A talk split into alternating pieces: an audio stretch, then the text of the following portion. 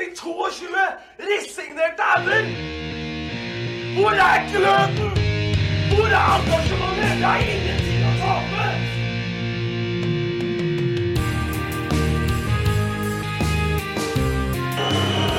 Ja, forlenges tid på Martin Ramsland. Skal du sette etter?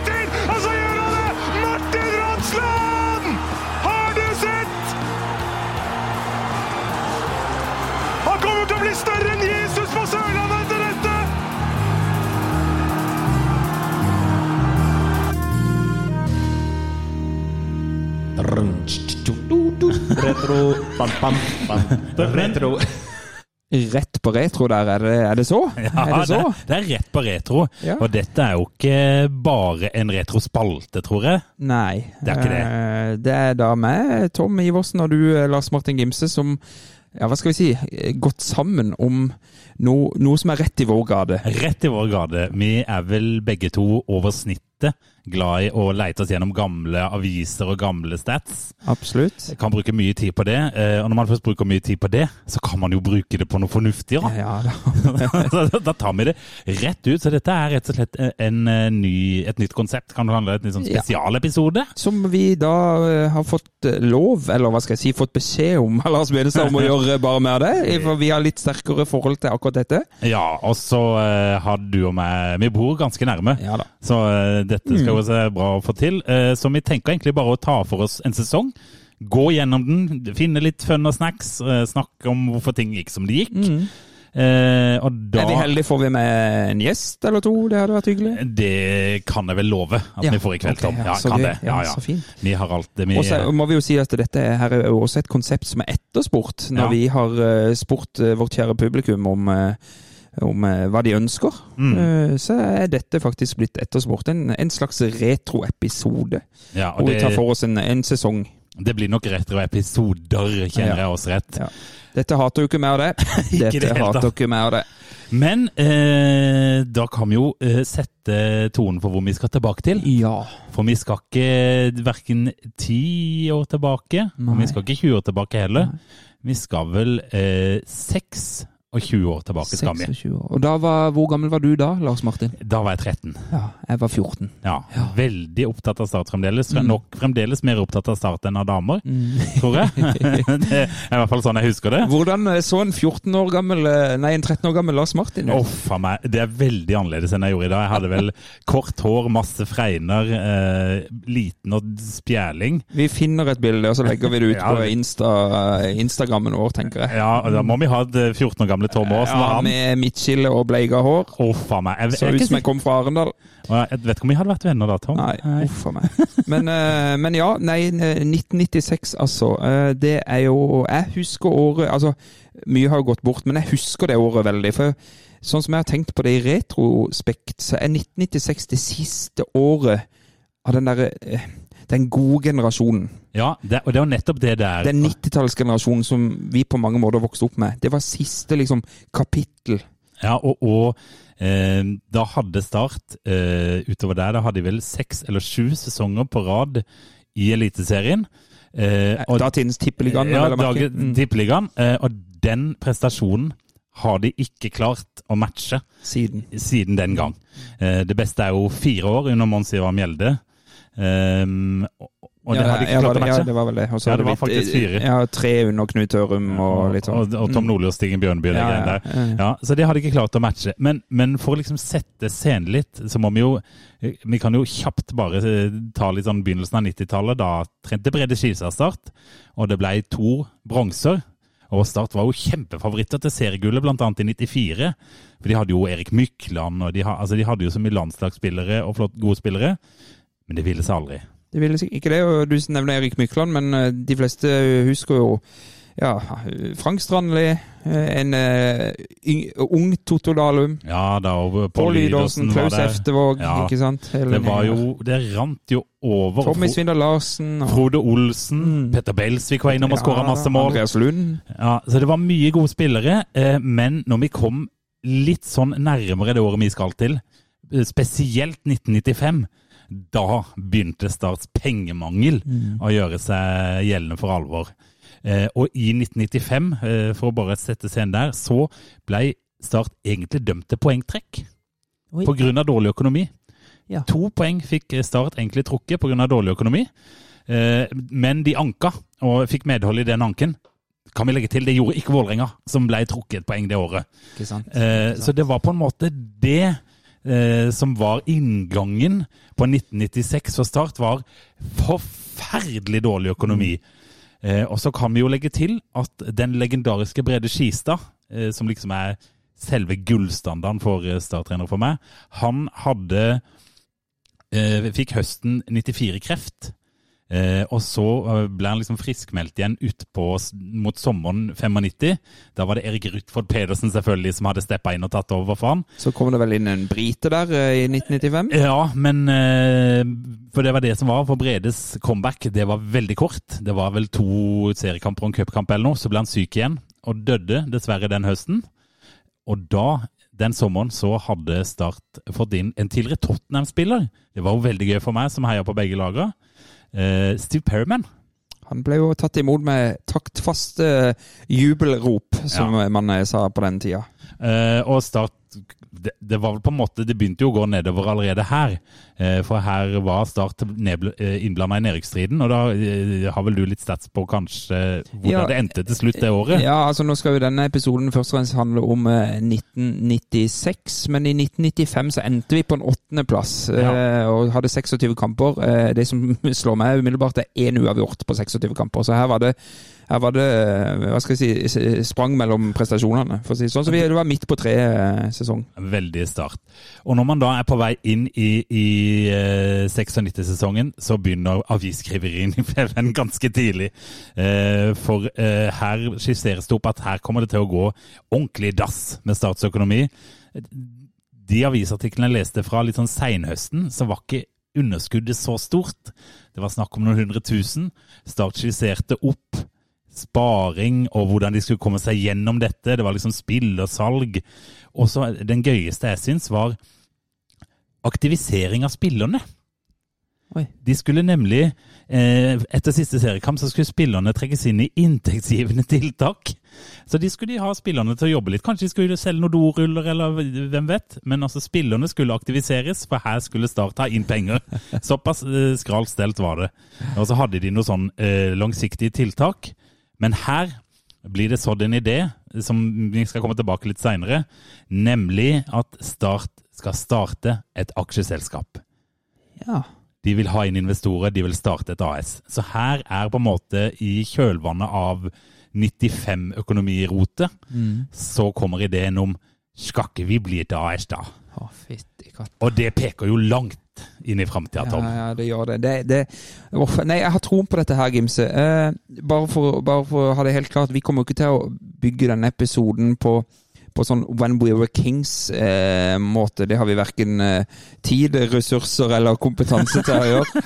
Eh, så, så dette blir, dette blir eh, Vi skal gå kronologisk. Ja, skal det. Eh, vi har ikke Erik Niva sin eh, behagelige stemme å høre på, eh, eller eh, å, å bruke. Vi, er vel, vi er vel nærmere han eh, sidekicken Han hans. sidekicken, kanskje. ja. Eh, Nei da, men, eh, det, men da er liksom Da er tingene satt litt eh, fra 1995. Mm. Eh, havner midt på tabellen. Men det er jo et knallsterkt lag vi har der òg. Det er jo det som er. Det er jo enormt med gode spillere. Men det er mye rør og rot. Det er det. Eh, og det er vel i, rundt disse tider at Start selger Starthallen til Starthallen AS. Ja, ikke sant. Det var inn å starte aksjeselskap på den tida. Ja, det var veldig inn. Eh, og så vil jeg bare, liksom, før vi gir oss med den økonomien, eh, så kan jeg jo ta det at eh, Start hadde jo, eh, som jeg sa, skissert eh, noen hundre tusen liksom, som, eh, i, i underskudd. Men det ble jo betydelig mer.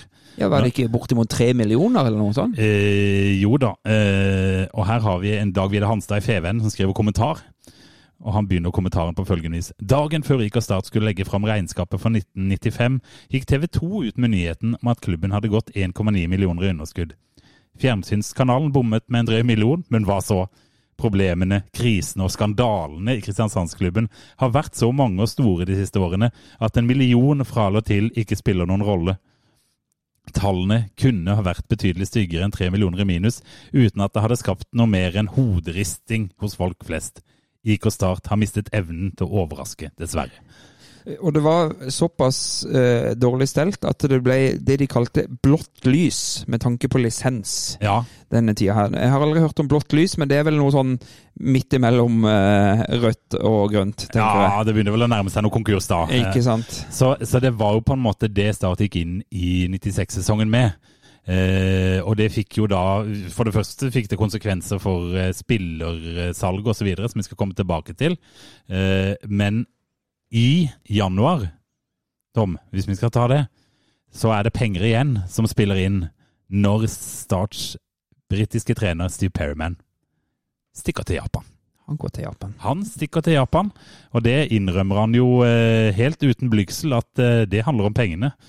Eh, for han får jo et knakende godt tilbud fra Japan, og det er bare Start har jo ingen sjanse til å matche det. Nei. Så da mister de treneren sin da i begynnelsen av januar, og stå Men på bar bakke der. bare, bare når det gjelder Steve Perryman, så er det jo Uh, Utover i 96-sesongen så er det jo flere spillere òg som, som da åpner seg litt om hva de faktisk syns om han som trener. Ja, Eh, og der har jeg også dykka nedi litt og, og funnet en del artige kommentarer på, på hvordan, eh, hvordan han var da.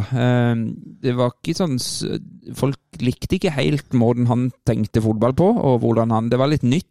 Ja. Eh, og, og, få en, en trener fra liksom England og helt andre treningsrutiner og, og så videre. Så det var, det var mange som, eh, som var egentlig glad for at han forsvant ut døra. Og, og det som er her, at uh, i en VG-artikkel som kommer litt seinere på året, uh, så beskrives det at Steve Perriman var liksom helt sjokkert over oppførselen til enkelte av spillerne. Det var bl.a. snakk om Petter Belsvik og Erik Mykland som hadde øyensynlig fått 10 000 kroner i bot for å ha drukket øl før eh, kamp mot Hødd kvelden før. De fikk aldri boten, men det måtte styret si til Steve Perryman for at han skulle roe seg ned. Så jeg tror nok det var litt sånn eh, Det kan nok hende at det gikk litt begge veier. At de ikke var så glad i Det gjorde hverandre. nok det. det, gjorde nok det. Skal, vi, skal vi se litt på hva slags eh, spillere vi fikk inn og ut eh, den vinteren der, eller? Ja, det syns jeg faktisk vi kan. Eh, for så går vi, tar vi treneren etterpå. Ja, for det- spiller inn og ut er fint. Ja da, for vi, vi får jo da ny trener også, selvfølgelig, i, kjølvannet av Perryman sin eh, tur, til, til, tur til Japan. Eh, vi har eh, altså Vi har en, en kjenning i Svein Enersen. Han kommer fra Bryne. Ja. eh, og skal egentlig på sett og vis inn og erstatte Klaus Eftevåg, som går til Brann. ja. Um, vi, Ivar Sigurdsen kommer fra, fra Don. Uh, Inge André Olsen kommer fra Søgne. ja. Um, det er liksom de som vi henter før sesongen her. Ja. Uh, det er mulig han Steinar Jordbakke også kom før sesongen, eller om han kom på sommeren. Det har jeg ikke dykka nok ned i, men han, han var ikke noe storhøyde uansett. Men, men, men det er primært de uh, som, som kommer inn før sesongen. Og ut så forsvinner jo da, som nevnt, Klaus Eftervåg. Han Ja. forsvinner til Brann. Petter Belsvik går til Stabæk. ja, stemmer det. Og han går for 300 000. Jeg husker ikke hvor mye spillere kosta på den tiden. Nei, eh, og jeg fant et lit, en liten artig anekdote der. For dette det er noe ikke jeg er kjent med. Ja, For dette er jo i, i, det skjæringspunktet hvor sånn Bossmann-dommen kom og alt det her. Har mye usikkerhet i klubbene. Og eh, her er det sikkert mange lyttere som kan eh, arrestere oss, men, men forbundsstyret i NFF kunne gå inn og bestemme prisen. Jeg vil tippe at det dreide seg om når spillere hadde gått ut på kontrakt, så var de på en måte fremdeles bundet til Ja. klubben. For ifølge datidens daglige leder i Start, Erik Gelmøyden, så ønska de 400 000 Ja, for Petter Belsvik. Altså av Stabæk for Ja. Petter Belsvik. Men endte opp med å få 300 000. ja. Etter at forbundsstyret hadde bestemt det. Og siden vi har mange unge lyttere, så er det jo uh, verdt å merke seg at denne Bossmann-dommen kommer jo fra eh, en belgisk fotballspiller, Jean-Marc Vossmann, mener jeg han husker at han heter. Han eh, mente at når hans kontrakt var gått ut, så måtte han få lov til å bestemme hvor han skulle spille. Og fram til da så hadde det vært vanlig at selv da måtte det bli en overgang og pengebetalinger for spillerne, selv om de ikke hadde noen sånn gyldig kontrakt. Eh, og dette var helt i skjæringspunktet her mellom at den Bosman-dommen ble innført. Det, det, det, så det henger nok sammen med det. Eh, også, og det samme var det visstnok med, med, med Svein, e, Svein Enersen, som også forbundsstyret måtte inn og så fastsette en pris eh, når de kjøpte han fra, fra Bryne. Ja. Eh, og den eh, Han var verdt 210 000 kroner, og det var Det er jo helt egentlig utrolig at Start hadde penger til å kjøpe noe som helst den vinteren der, vi allerede har snakka om. Men her, denne summen til Petter Belsrud, bare for å avslutte det da. Det er klart etter at Norges Fotballforbund styre i går ettermiddag fastsatte overgangssummen for de to spillerne. Det ble som kjent brudd i forhandlingene mellom Start og Stabæk om storsår og Petter Belsvik. Start forlangte 400 000, men måtte altså til slutt ta til takke med 100 000 mindre. Ingen bombe, sier Rikelmund i Start. Ja, så det var, Da hadde de prøvd å skvise sitronen og fikk ikke det. Helt. Men det er jo ikke alvorlige eh, summer de opererte med på denne tida her, sånn sammenligna med, med nå, uh, uansett. Uh, det er det ikke. Uh, og så har vi jo vi har noen flere overganger, da. da. Belsvik gikk jo, Eftervåg gikk. Tore Løvland Ja, ga seg og skulle vel egentlig sånn halvveis trappe ned i en alder av 31 eller noe sånt nå. Gikk til Vigør. Vetle Andersen gjorde det samme. ja. Og en eh, Slobodan Miletic. Slobodan Miletic, ja. 1995-mann. Han eh, stakk. Espen Skistad gikk til Fyllingen. Eh, og så lånte vi ut en del unge, spennende spillere. Bjørn Stefansen ble lånt ut. Per Christian Åsmundsen ble lånt ut. Klaus Murbrek ble lånt ut. Eh, og det var egentlig det som var status på overgangsfronten før vi går løs på 1996-sesongen. Ja. Og grunnen til at jeg understreker før, for det skjer litt ting gjennom denne, dette året her. Og det kommer vi tilbake til, men det er viktig for meg å presisere at eh, da sesongen starta, og eh, før året her, vi hadde fremdeles spillere som Erik Mykland, Frode Olsen osv. Det kommer vi også tilbake til. Så det var mye gode fotballspillere igjen, selv om det var noen som hadde forsvunnet Det ut. var det. Så vi, som jeg nevnte, så mista vi jo Petter Belsvik og Klaus Eftervåg og Tore Løvland. Alle eh, tre egentlig vært en del av denne 90-tallsgreia. Belsvik ikke så lenge, men spesielt Eftervåg og Løvland, naturligvis. Ja, det var det. Eh, og så kan vi jo gå litt inn på denne trenerprosessen. For det var altså, eh, hvis vi har tenkt at noen av trenerprosessene Start har kjørt i de senere åra har vært langdryge og at ting har tatt for lang tid, dette var en omstendelig prosess. Det, det, altså, det er artikkel på artikkel på artikkel med for meg nå ukjente trenernavn som jeg ikke orker å notere engang, for det er så kjedelig, som ble tilbudt jobben. Um, og den ene etter den andre takka nei. Eh, og mens de takka nei, så var det Teddy Moen, som da hadde vært assistent for Steve Perriman. Han tok liksom over som midlertidig trener. Eh, og det Og så må man huske at Start var jo en veldig og Om Start er en attraktiv klubb i dag, ja, så var det jo i hvert fall det da. Ja, det var det. Så kan man jo lure på hva det som førte til at de ikke Med, med fremdeles en eh, to, tre, fire landslagsspillere i, i stallen og ja. Ja, så det var nok eh, Jeg kan jo tenke meg at det var en del av dette økonomiske rotet som gjorde at folk ikke var så fysende. Eh, Den mest kjente navnet jeg fant av de som takka nei, var en fyr som har hatt en litt sånn, ja, en del suksess de siste åra. Bjarne Berntsen. Oh. Han takka nei til start. Og En ung Bjarne Berntsen, med andre ord. ja, og, og mens de liksom gikk gjennom denne trenerbunka si, så drev jo Teddy Moen på med sin jobb. Og da ble det jo litt sånn spørsmål innimellom. Ja, kanskje Teddy Moen skal ta over det? Han var jo 30 år gammel. Og mest sannsynligvis den billigste løsninga å gå for. Ja, lokal og alt mulig sånn.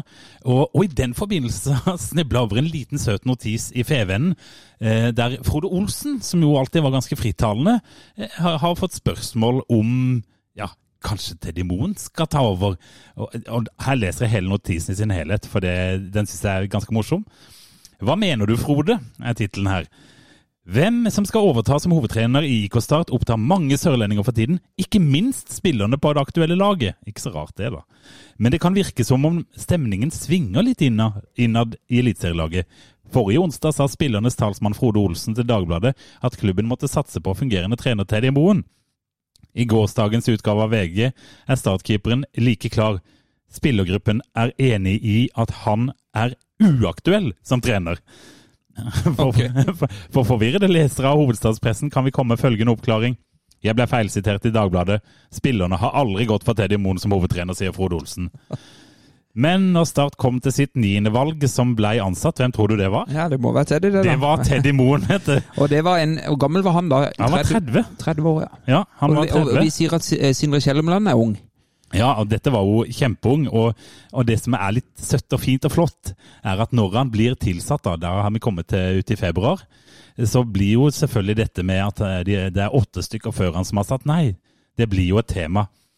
Eh, og da eh, innrømmer han jo sjøl at eh, jo da, det var nok kanskje ikke meg som skulle være trener. Han sier jeg føler meg ikke som noen reserveløsning. For meg er det ikke noe nederlag eh, om jeg er niendevalget på listen. Slik situasjonen er akkurat nå, tror jeg dette var den beste løsningen for klubben. Men man skal ikke glemme at klubben ønsket seg andre framfor meg. Og at jeg selv også så sent som mandag uttalte til spillerne at jeg helst så at det kom en annen inn som hovedtrener. Så det, det var, han ville ikke, klubben ville ikke ha han, men de fant ingen andre. Men må øh, bare huske på det, at, øh, og, og så vidt jeg har forstått, så var jo Teddy Moen han var jo en som hadde gått skolen. Ja, Litt sånn som øh, ja, Sindre Kjelmeland og de unge du ser i dag. At, at de er hva skal jeg si, høyt utdanna innenfor faget, da. Ja. Men selvfølgelig har vel lite øh, Erfaring. Ja, realfagskompetanse, da, for Ja. å si det sånn. Ja, og en av de som takka nei til startjobben, eh, som jeg ikke dro kjensel på navnet på, det var, det var læreren til Teddy Moen på skolen, ja. den idrettshøyskolen. Riktig. Så de var liksom innom alt som kunne tenkes. eh, Og Teddy var vel en øh, teoretiker, Ja. ikke sant? Kommer rett fra skolebenken og, og så videre. Så, Og, jeg- og jeg leser jo utover i sesongen nå at det er litt sånn Det virker ikke som han alltid hadde hele garderoben med seg. Nei. Men uh, ja, ja. Det var kanskje vanskeligere å få respekt hos spillere på den tida enn uh, Jeg tror man nok var mer uh, opptatt at det skulle være det som på i gamle, eller britisk ble kalt proper football lad. Ja, ja. Altså ordentlig sånn fotballfyr, liksom sånn, og gjerne med litt spillererfaring og noen landskamper. Men det var jo det de hadde året før. Ja, det, ja, nettopp. Men han likte de heller ikke. Så det, Men, men eh, smått om sin, eh, smått om senn, så, så går, kommer vi til, til seriestart. Eh, den var det noe rart med. ja, det var egentlig noe rart med den. Eh, men jeg tenker jeg, jeg, Det er jo ikke noe til å putte under en sol at vi har leita litt og funnet litt sånn gøye ting. Ja. Eh, jeg, jeg, kom over noe som jeg syns var litt sånn eh, artig. var jo at vi, Treningskamper var ganske bra, og vi hadde eh, en, en Frank Tønnesen, eksempel, som spilte samtlige kamper, tror jeg, i oppkjøringa. Ja, ja. Bekken. ja, og, og Tom Berghus var jo virkelig med i, i manesjen her. Og dette er jo unge gutter på den tida. De er vel sånn Ja, Frank Tønnesen var kanskje 21, Tom Berghus var vel 20. 20, ja. Sant, ja. Så, så man så liksom konturene av et, et ungt lag som skulle liksom spille mer og mer, da. Og det var jo kanskje den generasjonen som skulle ta over etter den 90-tallsgenerasjonen, ikke sant? Nettopp, og så hadde man jo da, som jeg nevnte tidligere, mista et par av disse stjernenavnene, så det var naturlig at man måtte tenke, tenke litt nytt. Men, men det er riktig, første serierunde den eh, skulle ha vært eh, hjemme mot Kongsvinger dette Ja. året. Eh, den ble rett og slett utsatt eh, av dårlige baneforhold på Kristiansand stadion. Eh, den, det var, var det 14. april? Ja. 14. april skulle den kampen ha vært. Han ble utsatt til sommeren på pga. dårlige baneforhold, rett og slett. Og, Ja. og det, han ble vurdert flytta til Sørlandshallen, men verken Start eller Kongsvinger ville det. Og det, jeg lurer på om det var det noe pga. noen tapte inntekter på noen sponsorside og sånn, at den ble Ja, de sa at de ville tapt penger med noen eh, avtaler de hadde med noen samarbeidspartnere. Hvis de hadde flytta den til Sørlandshallen? Ja, da, da sa de at de ville tapt 300 000 på det. Det syns jeg hørtes veldig mye ut. Ja, Og litt sånn pussig, men det, det var bare det som ble sagt riktig. av styreformann eh, på den tida. Og så var ikke. Kongsvinger sånn kjempegira på å spille på kunstgress når Start hadde liksom eh, øvd og trent der hele vinteren. Nei, det var det ikke. Så det var Kunstgress på denne tida her, i 1995-96, var jo ikke eh, like vanlig som det er i dag. Nei, og det kunstgresset som Start vant på sikkert hele vinteren der, det er jo sikkert det samme kunstgresset som lå til de bytta for et par år siden. Det er helt riktig. Så, så den ble utsatt. Ja. Eh, og da eh, ble jo ikke det serieåpning, men det var noe annet som ble. Ja, den ble faktisk langt unna Sørlandshallen, så serieåpninga ble jo på en måte andre serierunde, og den var oppe i Bodø. I Bodø, ja. Og, og Bodø-Glimt hadde jo De var ikke like gode som de er i dag. Nei da, men Bodø-Glimt hadde jo også en veldig sånn gyllen, eh, hva skal jeg si, 90-tallsutgave. Eh, og eh, ifølge Feven-artikler eh, før match og sånn, så var Start øyna lite håp om poeng eh, oppe i nord. Det, her- det levnes de jo stort sett aldri. Men eh, vi, eh, vi eh, eller får med oss 3-3 fra Aspmyra. Er litt av en kamp, det. Og, og det tenker jeg jo en sånn grei start for Teddy Moen, da. Ja, det må det Eh, være. Morten Pettersen, Bernt Christian Birkeland og Andreas Lund skårer. Andreas Lund vet du hva det er. Og uh, vi, vi drar med oss et poeng bort borte mot Glimt. eh, og tar med masse god selvtillit inn mot det, det som blir årets første hjemmekamp eh, på Kristiansand stadion. Og da er det jo et eh, Molde-lag som kommer på besøk. Ja.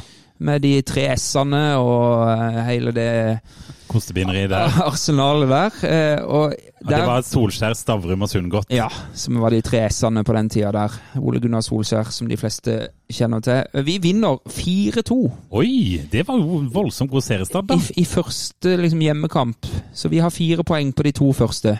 Ja. Og da er det jo ikke verre enn at vi klinker til med en overskrift helt i skyene. Oi, oi, oi. Og dette er da et intervju med Teddy Moen som har fått en drømmestart på, på, eh, på sin startkarriere, da. Uh, og jeg siterer fra artikkelen. Han har kost seg i helgen, med mange hyggelige telefoner, med Sportsrevyen som skulle lage hjemme hos-reportasje, og mange klapp på skulderen. I går kunne han legge beina på bordet ute på terrassen, lene seg tilbake og nyte superlativene som ble tatt fram etter kampen mot Molde. Det er jo Det er jo fantastisk. det er jo helt nydelig. Og du må tenke deg det presset som ligger på Teddy Moen før uh, denne serieåpninga her. Ja, altså, tenk deg eh, alt 31 år eller hvor gammel var han var, og folk var usikre. Ja, og, og det har vært hele det ballet i, i løpet av vinteren, og han var Mm. niende valget. Det må jo ha vært litt sånn personlig eh, utfordrende, og, og kanskje veldig spennende for han da, i sin første liksom, virkelig test som hovedtrener. Virkelig test, ja. Mm, det kan du trygt si. Og det, ikke sant, her har vi, vi har eh, Frode Olsen, vi har, eh, vi har eh, Myggen. Pål Lydersen, Erik Mykland, Morten Pettersen, Andreas Lund, Altså, Dalum. Det er masse kjente, gode eh, navn for eh, det norske fotballpublikummet på den tida. Eh, så det er jo sikkert ikke bare bare å komme inn som en eh, holdt på å si, ganske ung trener inn i den garderoben og skal styre det der, og, og i alt det kaoset som var. Men um, da er det jo desto deiligere å få den. Jeg, jeg ser for meg, Tom, at, at Tom 14 og Lars 13 de var, de var helt i skyene etter den Og sesongåpninga. hvis ikke, ja, hvis ikke jeg husker helt feil, eh, så var den Start-Molde-kampen det var en eh, tippekamp. Så den gikk eh, en lørdag. Den gikk lørdag. Og den mener jeg ble sendt i sånn eh, eh, Jeg tror IK Start sendte den under covid, som en sånn der Å ja, sånn eh, retrokamp eh, de sendte. Ja. Eh, jeg husker godt jeg var på den kampen, faktisk òg. og jeg husker veldig godt uh, målet til Andreas Lund. Er noe som har satt seg. Ja, han, han var jo, det skal man nå huske med han, han var også fryktelig god.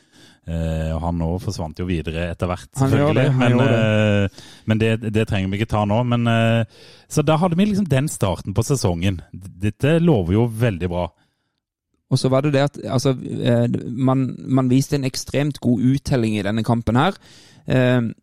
Og, og, og som, som Teddy, Teddy sier her, det var, det var veldig betryggende ting å se på stadion. Som at Start har blitt lag som har evnen til å komme, komme igjen selv om de ligger under. For det her lå vi under eh, 2-1 og snudde 2-1 til pause, og så ble det 4-2. Ja, Så det viser jo også en moral. Så han har jo fått til noe her. ja han har det. Men så var det jo eh, fort slutt. Ja, da gikk det jo ordentlig på ratata. Oi, oi, oi. Så etter den starten der, og den hyllinga der, og Moen som ble eh, ble klappa og ble sunget 'Moen', klapper og klapp, 'Moen' på Ja, det var det man sang på den ja, tida. Ja, det var det. Ikke, men det var jo akkurat det samme som Steve Perryman fikk året før. ikke sant? Ja, ja, ja. Så, så det var jo eh, klassisk at her har vi troa, dette får vi til.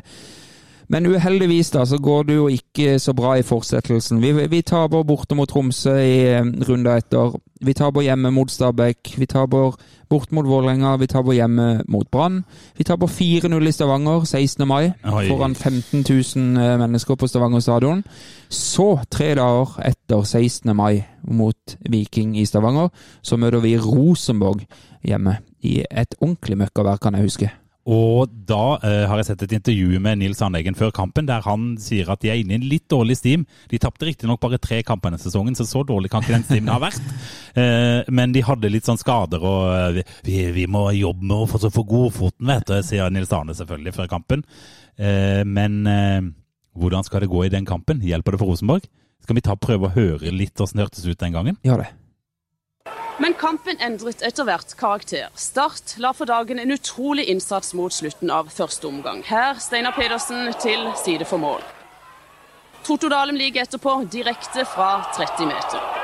Start fortsetter å spille svært godt og presser Rosenborg. Totto Dalum i skikkelig slag. Finner Steinar Pedersen perfekt. Og hjemmelaget får lønn for strevet 1-1. Pål Lydåsen suveren i forsvar i dag, sammen med Erik Mykland regisserte de mye av det gode startspillet. Det er bare ett minutt igjen av kampen og Start, igjen ved Steinar Pedersen, gir Rosenborg noe å tenke på, selv om det bare er i mai. Start vinner fortjent 2-1, og Nils Arne Eggen bør kanskje gjøre nye omrokeringer. Dagens helt i Kristiansand er iallfall Steinar Pedersen. Nydelig. Ja, og De er deilige, de målene. Du kan se dem på YouTube. Det er, vi skal, jeg tror vi skal finne den og så legge den ut i noen av våre kanaler. For det er en fantastisk video. 2790 tilskuere var også start mot eh, Champions League-laget Rosenborg. Og det som er gøy å tenke på, er at det Rosenborg-laget Start slo 2-1 der. I desember samme år så slo de Milan 2-1 borte på San Siro. Og eh, Når jeg prater om denne Molde-kampen som var i, i andre serierunde, og fram til den Rosenborg-kampen her, så har vi altså fem tap på rad og kun én skåring før denne Rosenborg-kampen. Så Og da slår vi altså det som by far er det aller beste laget i Norge. Altså De feier jo overalt hvert eneste år. de hadde jo omtrent vunnet ligaen allerede her når vi møter dem i mai, ikke sant? Så, så, så det, den var det jo ingen som så komme. Selv ikke en eh, 13 og 14 år gammel eh, Gimse og, eh, Du, og Tom hvor, hvor høyt oppe tror du vi var på skolen på mandag, Tom? Ho-ho! Nei da, så da tenker vi nå snur vi dette. Kampen etter taper vi mot Moss på Meløs 1-0. Og så taper vi som alltid på eh, Åråsen Ja. 3-0 i kampen etter der. Og så møter vi Skeid hjemme. Og den bør vi jo vinne. Nei da, vi taper den nå. 2-1. Morten Pettersen skårer. Og så kommer denne her utsatte kampen fra første serierunde mot Kongsvinger. Og den blir jo et heisa av en kamp. Ja, Den taper vi da altså 5-4. På overtid òg, vel? Er ikke det? Ja, det er godt mulig. Jeg har ikke dykka sånn veldig inn i den, men, eh, men det er 5-4, og endelig så skårer vi jo mål, da. For før dette så hadde vi skåret fire mål da, siden den Molde-kampen som vi prata om. og det er altså fire mål på ja, er det ti kamper? Ja, og så kommer den, men den, vi tapte den på overtid. Erik Noppi skårte to minutter på overtid. Foran 1874 tilskuere. Ja, hører, sånn. hører at det er på vei nedover. Man hører at det var, går nedover. Det var 4000 på den Molde-kampen. Nei, 2000 Eh, seks på den målekampen, men hjemmekampen etter det, da var det liksom litt troa. Der hadde vi fire og et halvt ja. mot Stabæk, og så har det bare gått nedover. Ja, Så det, det, det, var egentlig på vei nedover her da? Det var det, og, og da var det liksom den Vi tapte hjemme mot Skeid, vi tapte hjemme mot Kongsvinger, og så skal vi da borte mot Kongsvinger, i og med at dette var en sånn utsatt kamp. Den her vi tapte fire-fem hjemme. Borte mot Kongsvinger, hva skjer der? Jo, vi vinner. Ja. Vi vinner 2-0, og da har vi fått da har jo på en måte overgangsvinduet åpna, Ja, og da har vi fått inn en skotte på utlån fra Glasgow Rangers. Lee John. Lee John Robertson, som skårer to mål. Jeg lurer på om ikke det var debuten hans, faktisk. Ja, Og blir to målskårer på Hjemslund, og vi vinner 2-0. Og den perioden som vi har eh, oppsummert her nå, her sitter da Teddy Moen, som har vært eh, høyt oppe, helt i skyene, ifølge Feven, etter den eh, Molde-kampen i andre serierunde. Og nå, ti serierunder seinere, så har han fått med seg fire skåringer og én seier. Oh, Og så får han endelig denne forløsende eh, borteseieren mot, eh, mot Kongsvinger. Eh, inni her, så, Rundt sommeren her så har vi også noen cupkamper. Vi slår bl.a. Vindbjørn hele 1-0 på Kristiansand stadion. høres ut veldig start ut i cupen, det der. Det, der eh, møtte Start faktisk en, eh, en Geir Strand, Ja, som, som, kom til Start vel året etter. Eller, Og knakk beinet så det sang. Så, så det var ikke sånn all verdens. Ei uke etter denne Kongsvinger, etter seieren borte på Hjemslund, så møter vi Strømsgodset borte. Eh, og da taper vi igjen. Ja. Vi taper 4-1. Inge André Olsen skårer sitt eh, aller første mål i eh, startdrakta. Ja. Men det var altså så møkk at eh, Frode Olsen sa etter den kampen der at eh, det vi leverte i dag, det hadde ikke holdt mot Langesund engang. Og Lang, Langesund var det laget vi møtte i første runde av cupen og vant komfortabelt. Så, så eh, her, nå, nå brant det på dass. Nå var det To seire på tolv kamper og knapt skåringer, bortsett fra den der gale Mathias-kampen mot Kongsvinger som vi tapte 5-4. Mm. Eh, Så nå var det vel dags for å gjøre noe. Det, etter den godsekampen så begynte så smått klubben å tenke på å endre noe. Ja. Eh, Erik Elmøyden jobba sikkert dag og natt, og eh, styreleder Odd Skuggen, vel, som, Ja. som jobba. Og de, de skal ha det til, i hvert fall det jeg har klart å finne, er at Teddy Moen ikke fikk sparken. Men det må vi jo finne ut av, Tom. For sånne ting snakker man jo aldri sant om når det står på. Tror du han ville svare på det? Jeg tror Teddy Moen ville svare på det. Ja, Skal vi prøve å ringe han, da? Vi prøver å ringe Ja. Teddy. Det er det bare å gjøre det, da. Ja, vi prøver. Kan være han legger banen. Ja, Han gjør vel ikke det, tror du det? Nei, jeg tror ikke han legger Nei, banen. nei, gjør ikke det. Ja. Hallo, ja. Ja, da var det Teddy Moen som tok telefonen, regner jeg med? Det stemmer. Fra Bystrand og Kristiansand. Ja, så bra. Åh, det, er, det hørte jeg frista nå. Komme seg ned der en tur. Men du, eh, Teddy, nå har vi, vi sitter jo og snakker om denne eh, Jeg vet ikke om jeg skal kalle det sagnomsuste 1996-sesongen, men i hvert fall en sesong der det skjedde litt. Vi, vi har kommet frem til eh, omtrent eh, begynnelsen av juli. 7. juli så taper vi eh, 4-1 på Marienlyst mot Godset.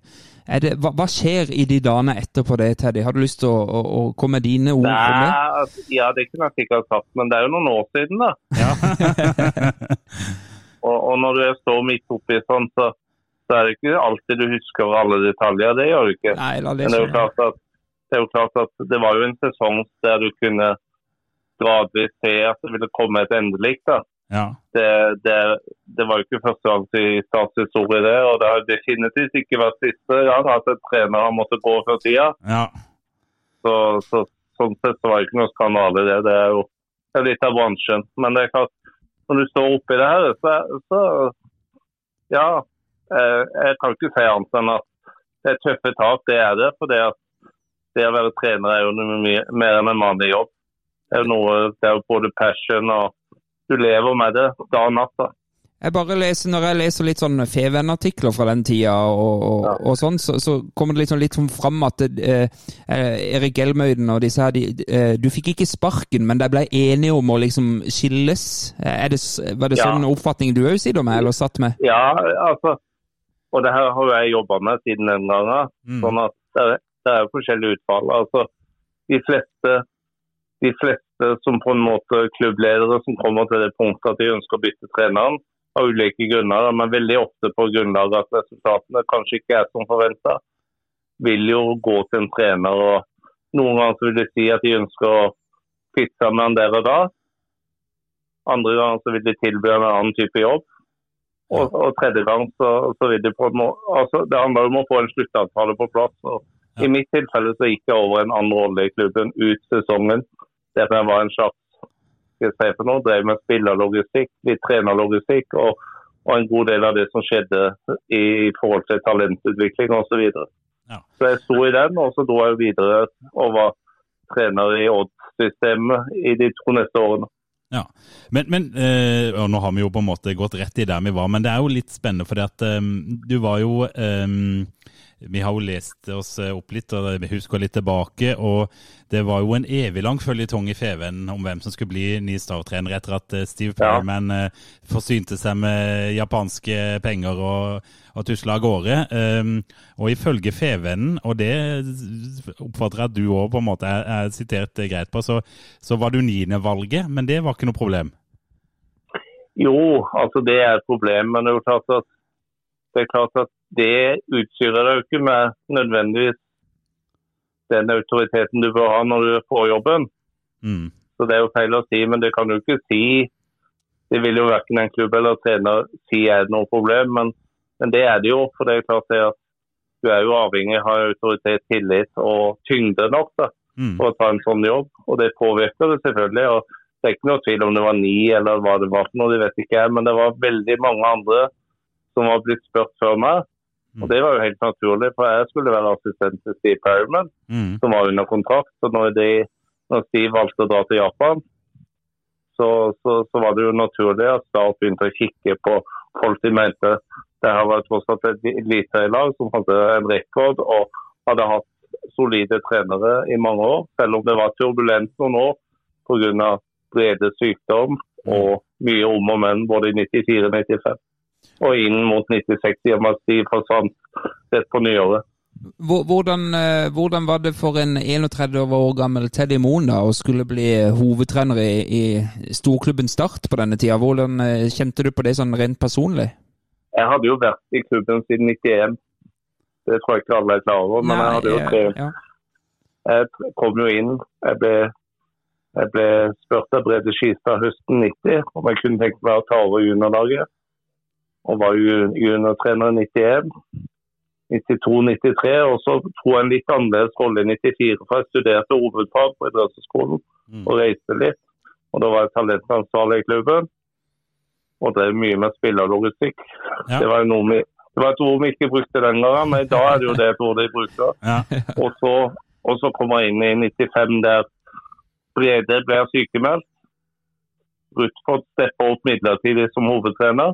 Der Paul Rikardsen der assistenttrenere på A-laget. Mm. I påvente at Brede skal vende tilbake. Brede vender tilbake noen uker på sommeren før han dør. Og da bestemmer klubben seg for å hente Steve Perriman. Mm. Og Steve å ha meg som assistent. Ja. Så, så du var jeg, hadde, jeg hadde tross alt vært i klubben lenge. Hadde med, hatt med mange av spillerne som var i Arsenal å gjøre. Vi var jo i finalen i junior-NM isteden og ble junior-norgesmester i 93. Ja. Og mange av de i 93 var veldig lovende og kom til å prege Start i mange år framover. Men, men det er jo ikke så mange, for Steinar Pedersen forsvant jo allerede i 96 da, til Dortmund. Ja, stemmer det. Men for, for det jeg lurer litt på er at det er jo mye skriverier her om dårlig økonomi og eh, alt man skal gjøre. Hvordan, hvordan preger det liksom dette startlaget? Det preget klubben, det klubben allerede fra 91. Ja. I 91 så ble profesjonell fotball innført i Norge. Jeg er selv sekretær i det utvalget som legger det fram på tinget. ja. Einar Bårdsen leder utvalget.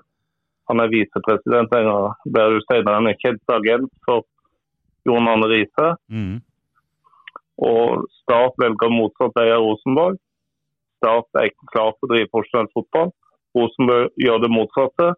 Og du så utviklinga gjennom 90-tallet. De klubbene som forsto at profesjonell fotball var veien å gå, de to stegene oppover. De som ikke gjorde det, begynte å gå nedover. ja. Det var klart en av klubbene som valgte å gjøre. Valgte og valgte. De hadde ikke noe valg. De var ikke rede for å drive profesjonell fotball på høyt nivå. Nei, fordi at eh, Ja, så, så, så på en måte Jeg husker jo det er jo 94-95, da det liksom Men vi tenkte ikke på økonomisk uh, utfordringer da? Nei, men så kommer Boston, så kommer Boston-dommen i 95, Mm. Ja. Og det er klart det preger jo Start. For det at klubber som ikke har spillere under kontrakt, eller langvarige kontrakter, blir jo fort et bytte for mange andre. Mm. Så det er klart Start kom dårlig ut i de åra, fordi at de hadde heller ikke en administrasjon og organisasjon som var bygd på for fullverdig profesjonell fotball. Dette Men, er eh, sånn ja, vet du, eh, det, det er litt hyggelig å høre. Eller hyggelig altså, Det er jo Nei, artig. det er Det realitetene, folkens. Ja, ja, ja, selvfølgelig. selvfølgelig. Men, og dette er jo lenge siden, men man føler at Start kanskje liksom aldri har kommet opp siden heller, på en måte. Det, men hvis vi bare skal holde oss litt eh, konkret her, Teddy. Vi prater jo om denne Ja, ja. 96-sesongen nå. Eh, Jeg har pratet om det før vi, før vi ringte deg. Du fikk jo en knakende god start med uavgjort i- på Aspmyra og seier hjemme mot Molde, og hjemme, hjemme hos-reportasje i Sportsrevyen. og Hvordan, hvordan var det? altså, Nei, altså for å si det sånn Det var jo veldig hyggelig. og Det, var en fin- start, men og ofte får jo treneren altfor mye ære og altfor mye kjeft og, og, og, og skyld når det går dårlig. mm, Det er litt svart-hvitt. og, og det var veldig hvitt den tida der, og så ble det veldig svart. Og Det var naturlig. og Som jeg sa, jeg, jeg må jo ta en del av skylda. og det er klart at Jeg burde nok hatt bedre rådgivere, men det er klart når du blir spurt om å være hovedtrener i en eliteklubb og du er 30 år, så er jo det Føler du bærer. Du speiler sjøl at du er klar for det. Jeg var ikke klar for det. Nei. Og det er ingen som er 30 år eller 28 år, og det er jo en unge trenere som får muligheten nå. Ja. De er ikke rede for den type jobb. Det er jeg veldig klar på. Jeg har jobba med det i 30 år, jeg vet at det her er vanskelig. Og det er litt farlig, for det, at det kan gå utover resultatene der og da. Men det kan også ødelegge trenerkarrierer for folk som bør bli veldig gode trenere etter hvert når de får erfaring nok. Og det er jo selvfølgelig, Hvem har ansvar for det? Jo, litt trenerne sjøl Mm. må kunne si nei. Men klubblederne er, må jo vite hva de gjør. Mm. Er, er det sånn at, at eh, den opplevelsen Nå har du, som du var inne på, var inne i Odd etterpå, jobba i trenerforeningen eh, året etterpå det. Er, er det Ja, jeg sånn jobber fortsatt i trenerforeningen. Ja, ja, ja. eh, ja. eh, Jobba i trenerforeningen siden, kan man vel si da. Eh, Ja. Er, det, er det litt brent barn skyr i ilden? Altså at du ble svidd av den startopplevelsen som gjorde at du ikke gikk tilbake Nei, jeg dro videre til Odd. Men jeg hadde to små barn og ei kone. Og mi- det var et karrierevalg, rett og slett. For det er veldig krevende å være hovedtrener i toppfotball. Og når jeg flytta til Odd, så må du huske at Odd var et bra lag i Obos-ligaen. Det heter ikke Obos-ligaen, det er førstedivisjon. Ja. Vi spilte kvalik det ene året og rykka opp det neste året. Mm. Eh, og, og Det betydde at du måtte reise Gardermoen først, før du fløy opp til Hødvoll eller, eller Tromsø eller noe sånt. ikke sant? Mm. Det å spille en seriekamp og kunne ta opp til to og en halv dag. Og når du har to små unger hjemme på et nytt sted der det ikke er noen familie, og viser videre, så er det, Mm. det er ikke lett. Nei, nei, Så jeg bestemte meg sammen med familien og reiste tilbake til Kristiansand. Ta en halv jobb i trenerforening, halv jobb som sportssjef i Bård. Og det ble en mye bedre tilværelse. Og siden så drev jeg jo og ble heltidsansatt i trenerforeninga. Der er jeg jo generalsekretær i dag. Ja. Det har jeg vært i siden nesten og fått lov til å jobbe profesjonelt. da. Men mer som administrator og leder i det som er kanskje Europas beste trenerforening i dag. Må skryte litt. Ja, men du skal få lov- Du skal få lov Jeg vil jo tilbake til, til Ja, konteksten Hvem er det som har Marcelo Bielsa på seminar i helga? Ja, Er det deg? det er kanskje du. Ja, er det mulig hvis du er dyktig? Sånn er det. Men du, kan jeg bare spørre deg, eh, for vi har kommet til sommeren i vår kronologiske rekkefølge Ja. her. og eh, vi trenger ikke, Jeg trenger ikke å gjenta den rekka med, med resultater etter Moldekampen, for den er ikke særlig lystig. Du har en seier mot Rosenborg der som er pen, som vi alle husker. Men hvordan opplevde du de, de dagene før Karsten kom inn, og, og du ga deg? Hvordan var den uka der mellom godset borte og den Bodø-Glimt-kampen hjemme?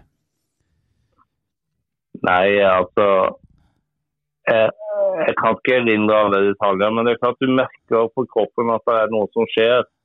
Du merker sjøl at du blir utlada osv. Så, videre. så når klubbens ledelse på en måte kom og ønska å snakke om det her, Mm. så syns jeg ikke det var vanskelig å forstå det, at de ønska et bytte. Hadde ikke noe følt at det var på sin plass. Og kanskje var det litt lettelse. Ja. Hvem vet. Det, det er ganske tøft, kan du si. Jeg hadde to små unger og familie. og Selv om du sjøl Du syns ikke synd på deg sjøl, for du vet litt hva du er oppi. Men mange rundt deg syns litt synd på deg sjøl. Mm. Ja, de, det, de vet at du har litt vondt. og men Det er jo ikke sånn at ikke du sover om natta og du spiser jo, men, men det er klart du merker noe skjer. Og, og, og klubben gjorde det som de ofte gjør, det er at de kom og antydet at de syntes at tida var inne for at noen andre burde ta det videre. Ja, Ikke sant? Ja. Og Og, det at det var Karsten, da, det syns jeg var på sin plass. mm. Det er veldig vanskelig å si at du kan få på plass en trener på kort varsel. og Karsten hadde vært klar sikkert lenger, han. Han, han det var, ja, jo, men Karsten er jo klubbens største trener gjennom alle tider. og har vel alltid vært klar for å trene start, uansett alder. Jeg er nesten, er nesten klar han òg, selv om Ja, det er noen år siden. han det-. Ja, det hadde vært godt. Jo. Stor, stor respekt for Karsten, som vi alle hadde. og det, det ødela ikke vårt vennskap på noe som helst vis. Vi var gode busser i alle år. Jeg, opplevde ikke det som noe kontroversielt i det hele tatt. Nei, men det er jo fint å bare forklare det. det jeg, jeg merker jo det at, eh, at Teddy Moen kunne vi gjerne hatt i en hel episode en eller annen gang. Så det, det er ikke mulig at vi sender en sånn type forespørsel til deg. Og da kan det handle, om, da kan det handle om noe helt annet enn 1996, Teddy. Ja, da kan vi godt snakke om hvordan det var sammen med Bielsa i uke. da. Verdens største trenerpersonlighet Ja, som bare snakker spansk. Nei da. Jeg har jo møtt de fleste, jeg har jo møtt de fleste trenerne i Europa på et eller annet nivå. Men jeg må si Bjelsa to kaker. han virker jo som en karakter. Utrolig. En dimensjon som var bare helt Han har noen dimensjoner i sitt ledertrenerskap som, som, ja, som gjør jo at de største trenerne i verden bruker han som en målestokk. Helt fantastisk. Jeg vil bare si tusen takk for at vi fikk eh, prate med deg, Teddy. Og så skal vi Jo, det var veldig hyggelig. og Jeg setter veldig pris på at jeg har jo hørt en del av deres podder. Det har jo stort engasjement og masse kjærlighet for klubben. Og det trengs. for det at det bør det jo diskuteres. Jeg har jo sikkert registrert at jeg er jo ikke alltid like imponert. Nei. Det er jo ikke alle som, det er ikke alle som liker det. Men jeg forbeholder meg retten som medlem i klubben, og en som kjenner klubben. At hvis, hvis du ikke skal få lov til å si noe på et årsmøte, nå når skal du da få lov til å si noe? Du er hjertelig velkommen til å si noe på et årsmøte, naturligvis. Og i podden. Og i podden. Og ja, podden. den. Så hvis jeg blir invitert igjen, så sier jeg ikke nei. Ja, men Ja, Det det er veldig bra. Da, da har vi det raincheck, Tom. Ha en eh, videre fin kveld da, Teddy.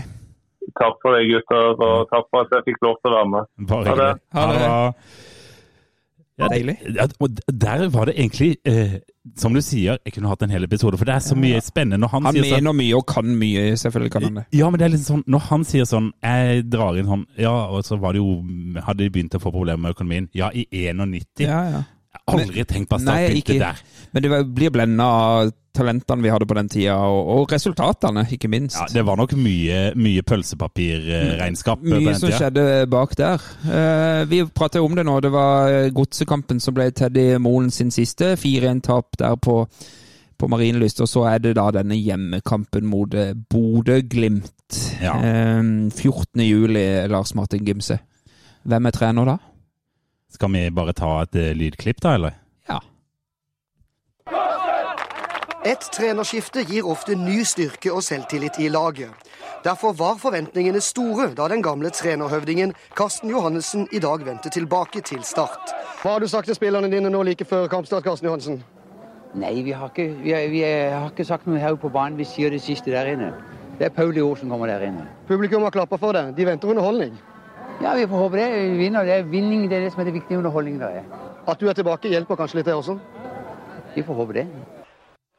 Og fem minutter før slutt skal det endelig lykkes for den ivrige Lee Robertson. Han misser på første forsøk, men slenger seg på returen og jubler sammen med Start for 5-0.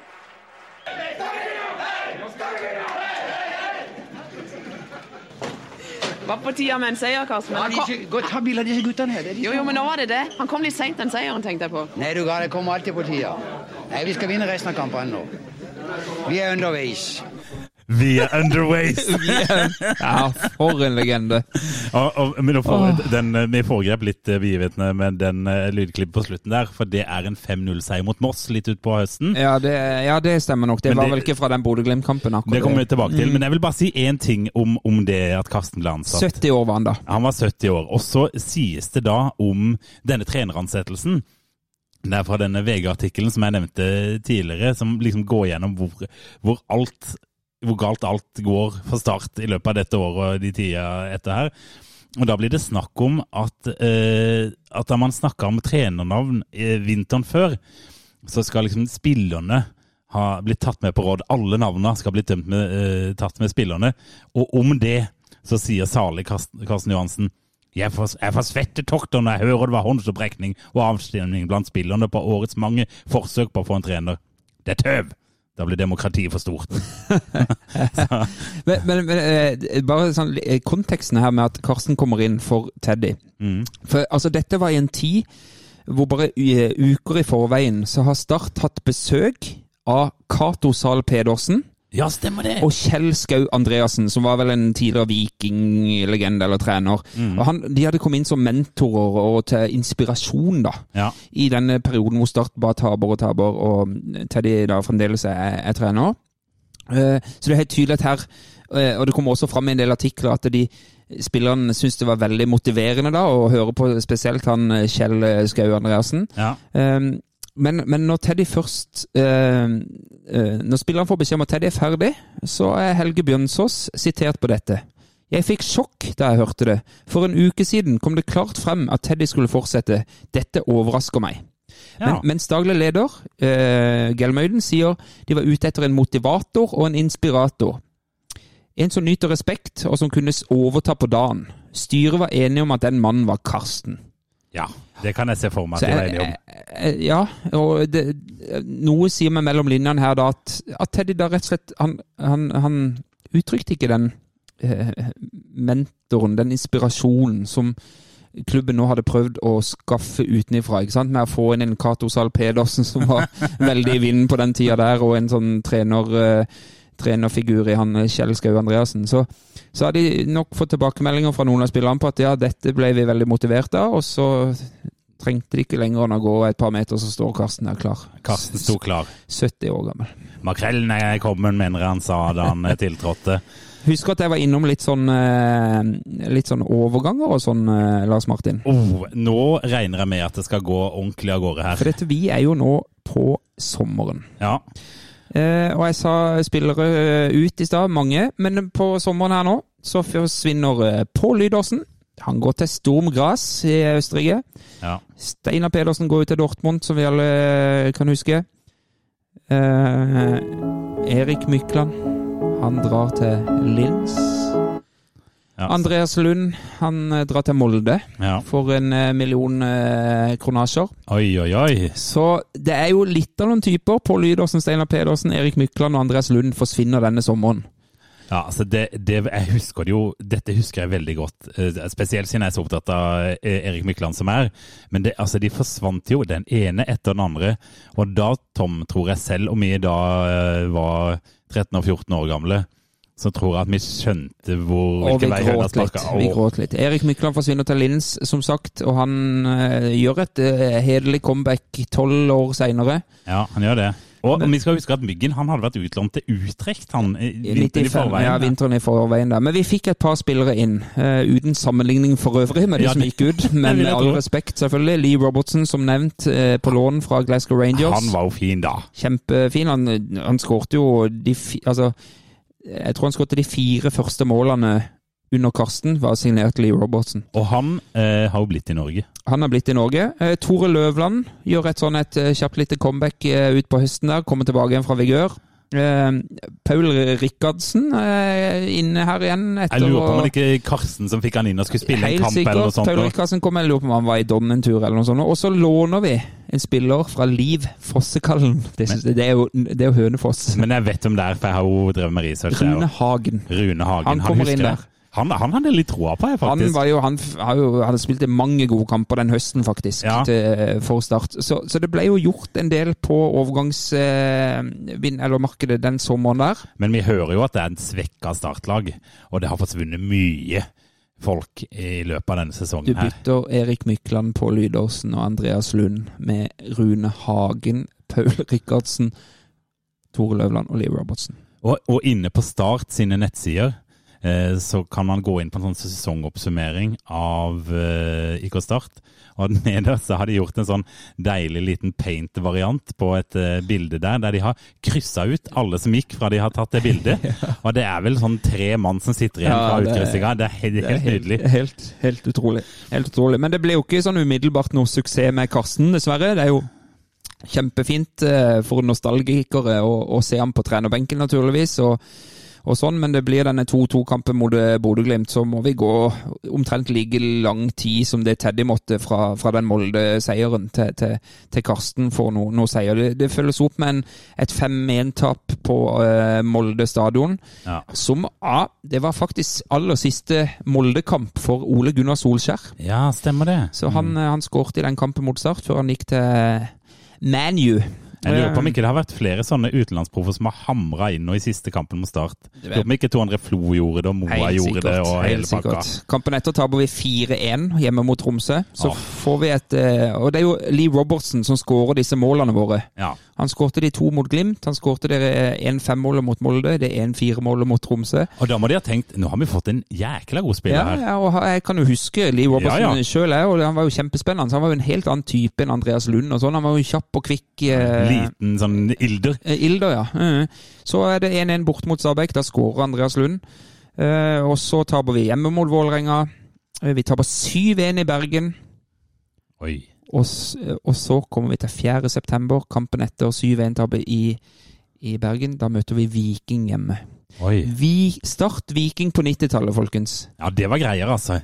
Det, altså, det Da kan vi jo bare nevne 91 for å ta et eksempel, når Start var skikkelig, skikkelig skikkelig gode. Og det var 375 000 tilskuere på stadion, og det var 49 varmegrader var det faktisk, eh, og da ble jo folk spylt ned med slanger.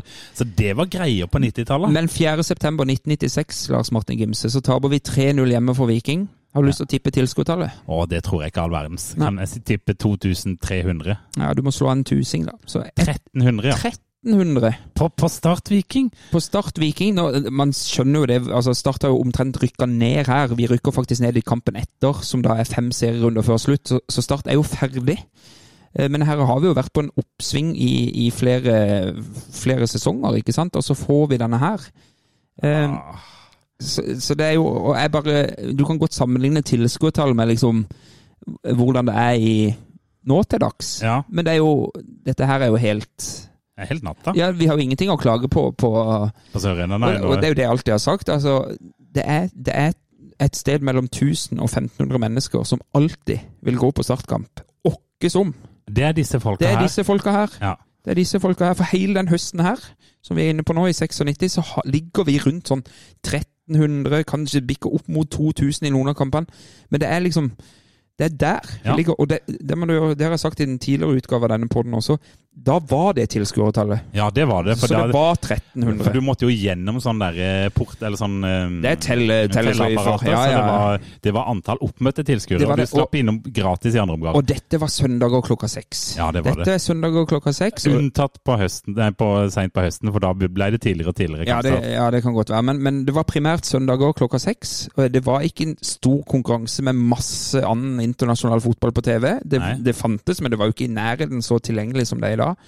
Så jeg bare tenker vi må, vi må huske litt på det når vi klager over og når daglig leder i klubben nå til dags klager over dårlig billettsalg og sånn. Det var ikke alltid så mye bedre før.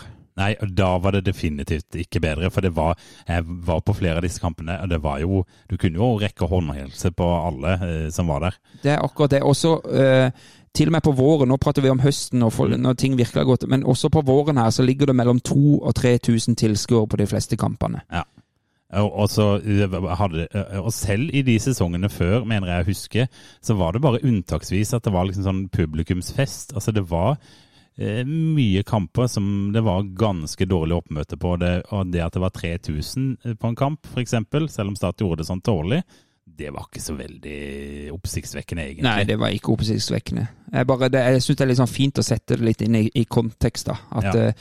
at uh, disse det, Vi har ikke bunnrekorder nå til dags på, Nei, har ikke på stadion. Og nå må vi forholde oss til mandagskamper og lørdag klokka ett og søndag klokka tre. og det Alle kampene går på TV, det gjorde de ikke da. Nei, ikke sant. Så, så det, det, har, det Alt var ikke bedre under krigen, for å si det sånn. det var ikke det.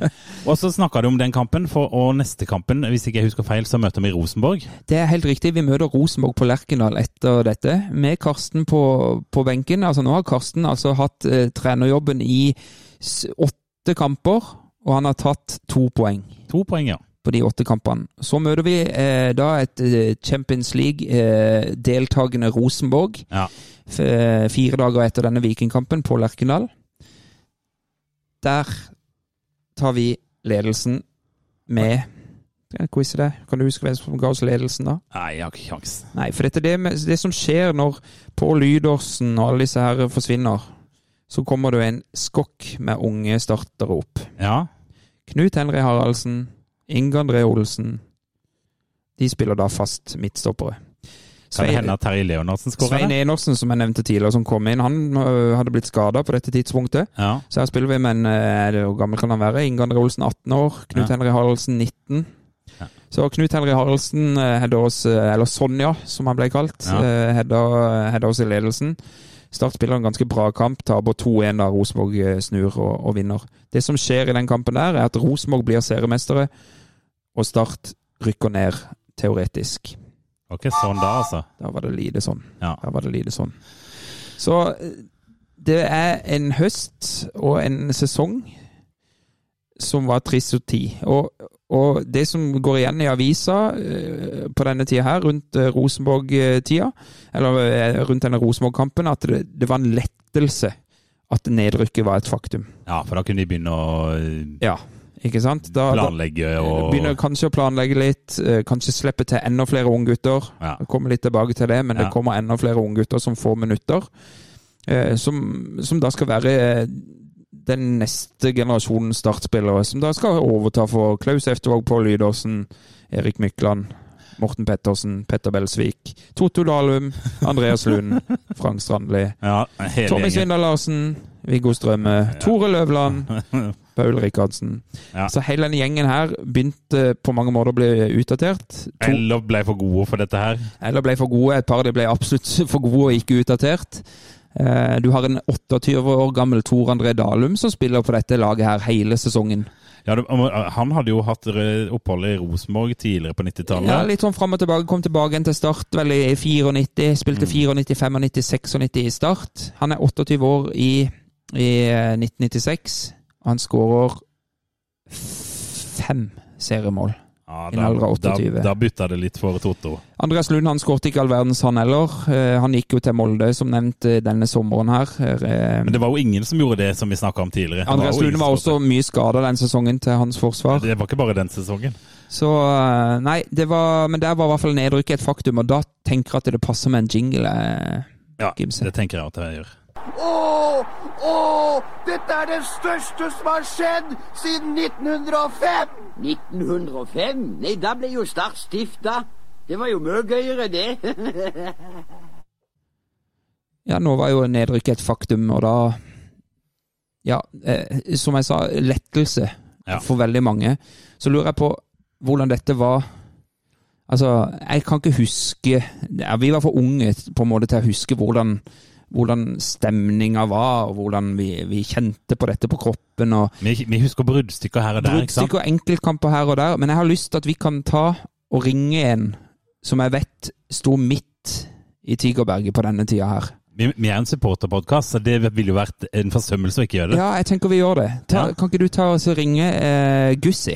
Gussi ringer vi. Vi ringer Gussi, Tom. Ja, Kan vi se om han eh, legger over? han legger, han legger ikke bare noe, han. Nei, ikke det, nei. Håper han eh, tar telefonen, da. Hallo, ja. Er det Gustav? Det er Gustav. Ja, Nydelig. Det er Tom i Start en pod her. Hei, du. Hei, selveste Gustav Sædberg er med oss her nå. Eh, Vi går gjennom 1996-sesongen i denne episoden her, Gustav. Og grunnen til at vi ringer deg, for dette er mener at du var ganske i primetimen din på den tida her. Hva, hva, hva er det første du kommer på eh, fra 1996? Det var jo en sesong eh, noen år etter at vi starta Tigerberg, og vi var jo en god gjeng som sto på, på ståtribunen på gamle stadion. og Det ble jo en sesong eh, 96 som var ja, en gedigen nedtur. Ja. Det var mm, Ja, vi rykka vel eh, klart ned som siste lag, og. Det var ikke mange oppturer det året. Hvordan var det å være liksom eh, en del av, klakken på den tida der? Der hadde man jo noen år i forveien hatt noen eh, voldsomt fine sesonger med, med mye gøye spillere, og så kulminerer på en måte den perioden i et vanvittig nedrykk. Eh, Hvordan var liksom rekrutteringa i Tigerberget på den tida? Var det, det, var det, liksom, var det gjengen din, eller hvordan, hvordan var det? Vi var vel en gjeng som hadde stått der noen år, og jeg tror de fleste der klarte å holde ut. Eh, selv om det gikk dårlig så- den sesongen. De var rimelig trofaste, i hvert fall hjemmesupportere. Så det er verre å dra på bortekamp, så Ja. jeg kan huske. Var, var, det, var, var det mye bussturer til, til Østlandet og sånn på den tida her i 96-sesongen? Eh, vi hadde vel noen kamper vi satte opp eh, tur til. Jeg, jeg tror faktisk eh, det var det året vi var 16. mai borte mot Viking. Stemmer det? Eh, og Det var jo en eh, gedigen nedtur med kjempetap, så vidt jeg husker. Ja, vi tapte 4-0, det stemmer det. Det var 14 000-15 000 på Stavanger stadion der. Så der, der ble det mobilisert litt. Ja, vi hadde, jeg husker ikke hvor mange vi var, men eh, det var den tida vi tok eh, tog bort og hadde det litt gøy i, i kupeen. Det, det ble kanskje tatt med noe CB på veien. CB var alltid med oss. Det var viktig. det er herlig. Men du, eh, eh, det jeg lurer på liksom sånn eh, Det var jo mye sånn eh, snakk inn mot sesongen om at Start var i økonomiske problemer, og så kom eh, så mista de treneren. og så- Hvordan, eh, hvordan var liksom stemninga før sesongen? Du sier jo at den ble en, ble en stor nedtur, men, men hva, hadde man liksom et håp om at det skulle bli en en ålreit sesong? Vi hadde jo mista noen gode spillere eh, året før. Så, og så var det vel det året de skulle satse på ung trener til de moren. De skulle ha med mange unge lokale spillere. Mm. Eh, og da, da er det jo ikke bare å sette sammen et lag og tro at det går godt. Eh, vi var alltid optimister, selvfølgelig var vi det. Men vi skjønte jo tidlig at dette gikk gale veien. Var, var, det, var, det, var det noen stemmer i Tigerberget på denne tida her som sto litt opp mot klubben og sånn? Mot liksom valg som ble tatt og liksom altså Nå til dags kan man jo uttrykke seg på Twitter og Facebook og alle veier, men var det noen som, som gikk ut andre steder og på en måte var, var kritiske til ting? Ja, vi var jo eh, i sånn diskusjon hele tida med Start. og Uten at det var noe, eh, noe, noe annet enn snakk. Men eh, var, jeg tror det var den sesongen hvor det var to stykker som løp over banen med sånn banner 'Stallemo er Judas'. Ja, stemmer det. Oi, oi, oi. Eh, Ja, var, ja, var det den, det- ja, i hvert fall på den tida der. Jeg vet ikke om det var den sesongen, men ja, det, du har nok rett i det. ja, og det var, det var en sak som kom i VG. Så um, de to personer der var jo to av de som var fast i Digerberget fra start. Men, men hva, eh, hvis det er en kort historie, hva var det som var bakgrunnen for den 'Stallemo er Judas, husker du det? Det var, det var mot slutten av sesongen, og, og da hadde jo Start solgt unna eh, mange. Byggene var solgt, og Polydersen var solgt. og De ble liksom, sånn som vi oppfatter det, solgt for uh, småpenger. Mm. Uh, og De viste jo senere at de burde jo vært solgt for mye mer. Ja. Uh, så det var liksom han, Vi følte at han svikta oss og solgte unna. Det var nok økonomiske grunner som ikke vi var så kjent med. Men vi oppfatta det sånn at han var Han sto ikke på vår side. Var, var det vanlig for dere i Tigerberg på den tida der å være medlem av klubben? Nei, det var det nesten ingen som var. Nei. Så dere var aldri på noen årsmøter eller kom med noen sånne stemmer eh, inn til klubben på, på det viset? Nei, det var ingenting. Nei. Så Det virka vel på den tida som det var de, de sterke herrer eh, som eh, styrte Start? Ja, og så var det jo eh, det, er jo litt om den sesongen ender opp med at de har den yngste treneren, til de moren, og så ender det vel opp med den eldste treneren, Karsten Johansen. Så de, de henta jo da inn sikkert den billigste løsninga som var mulig. mm. Um, og det, ja, da blir det jo oppfatta at du, vi hadde vel rykka ned eh, halve sesongen. Følte vi det nesten som. Ja. Så, eh, Hvordan var vi hadde, vi hadde, en, vi hadde en, en stor eh, opptur den sesongen. Det var når Steinar P skåret to mål og vi slo Rosenborg 2-1. Mm. Eh, og de var jo suverene det året. Så Ja, vi har, vi har faktisk vært gjennom den kampen i, i episoden her nå. Hvis jeg husker riktig, eh, Gussi, så, så løp Steinar Pedersen bort til Tigerberg. Gjør han ikke det på den 2-1-skåringa? jo, det tror han gjør. for det, han var jo en ekte Kristiansandsgutt som eh, likte å, at vi bakka han opp. Så han var, han var en god mann for klubben. Hvordan, var Jeg er jo litt sånn interessert, og jeg husker jo noe sjøl. Nå var ikke jeg sånn veldig aktiv i Tigerberget, for jeg var bare 14 eh, 13-14 år på den tida der. Men, men hva gjorde, gjorde det noe sånn Åssen var det med bannere og flagg og, og, og sånne type ting? Var der, hadde, det var ikke noe levende TIFO-gruppe og sånn på den tida der, men jeg lagde det litt sånn bare på gefühlen?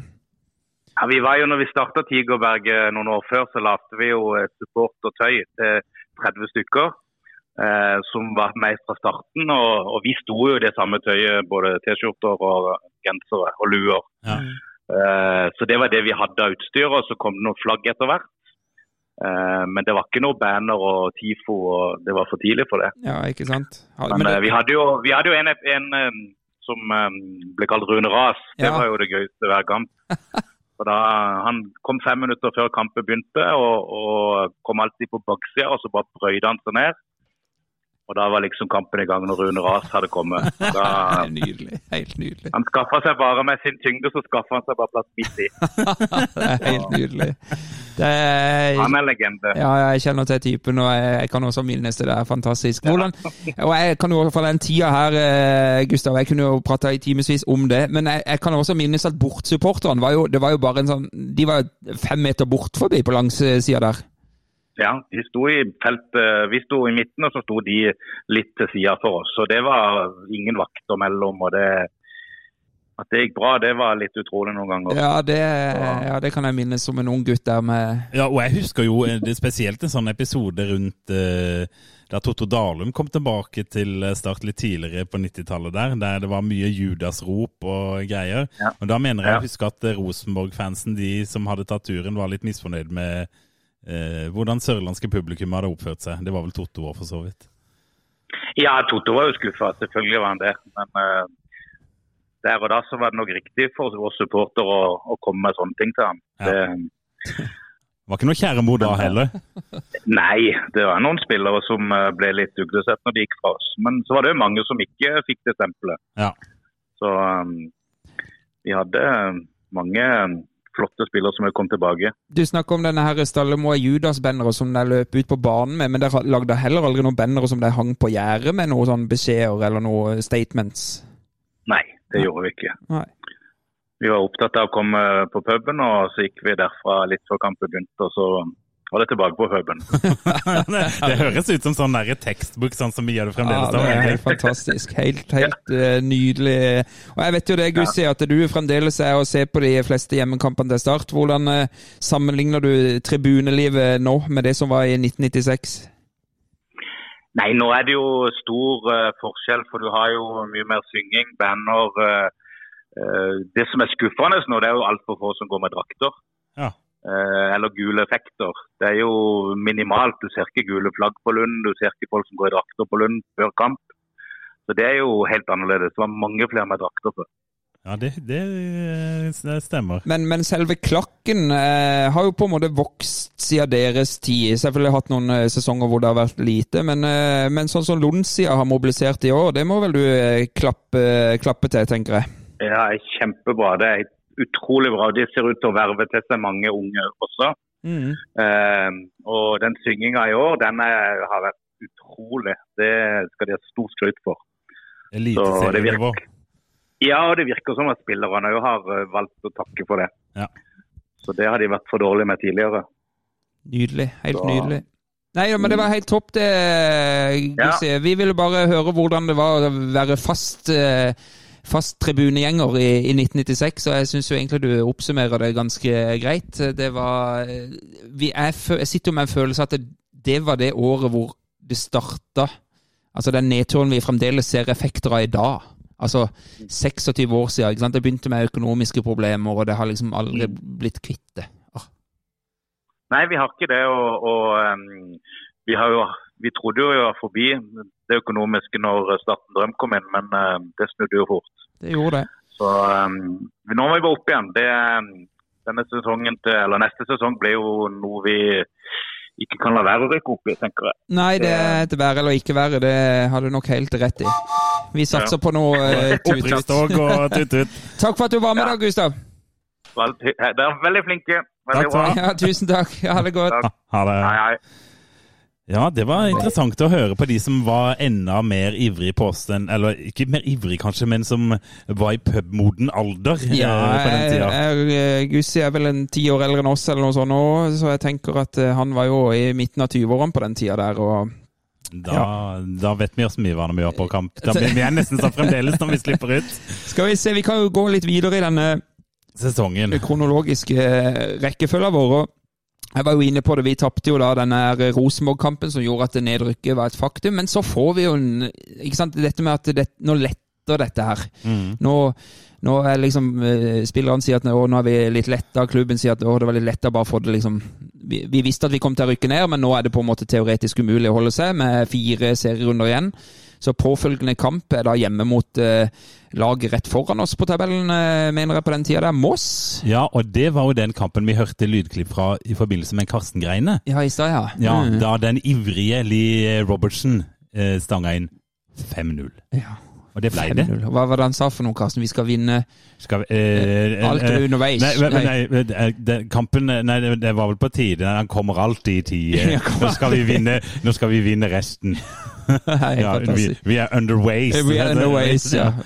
1371 tilskuere ser eh, Start slå Moss 5-0 der ute på eh, senhøsten. Ja. Eh, Kampen etter taper vi mot eh, Lillestrøm eh, 2-0. Eh, Da er det nede i 1200 tilskuere. Og så får vi en eh, borteopptur i nest siste serierunde på Jeg antar at den kampen gikk på Bislett eller noe, var mot Skeid. Ja. 3-2 vinner vi der. Og Oi. da har eh, Rune Hagen begynt å melde seg på. Ja, han skårer mål. Eh, Ja, han skårte i den 5-0-kampen mot Moss òg, og skårer også nå mot eh, Skeid i nest siste runde.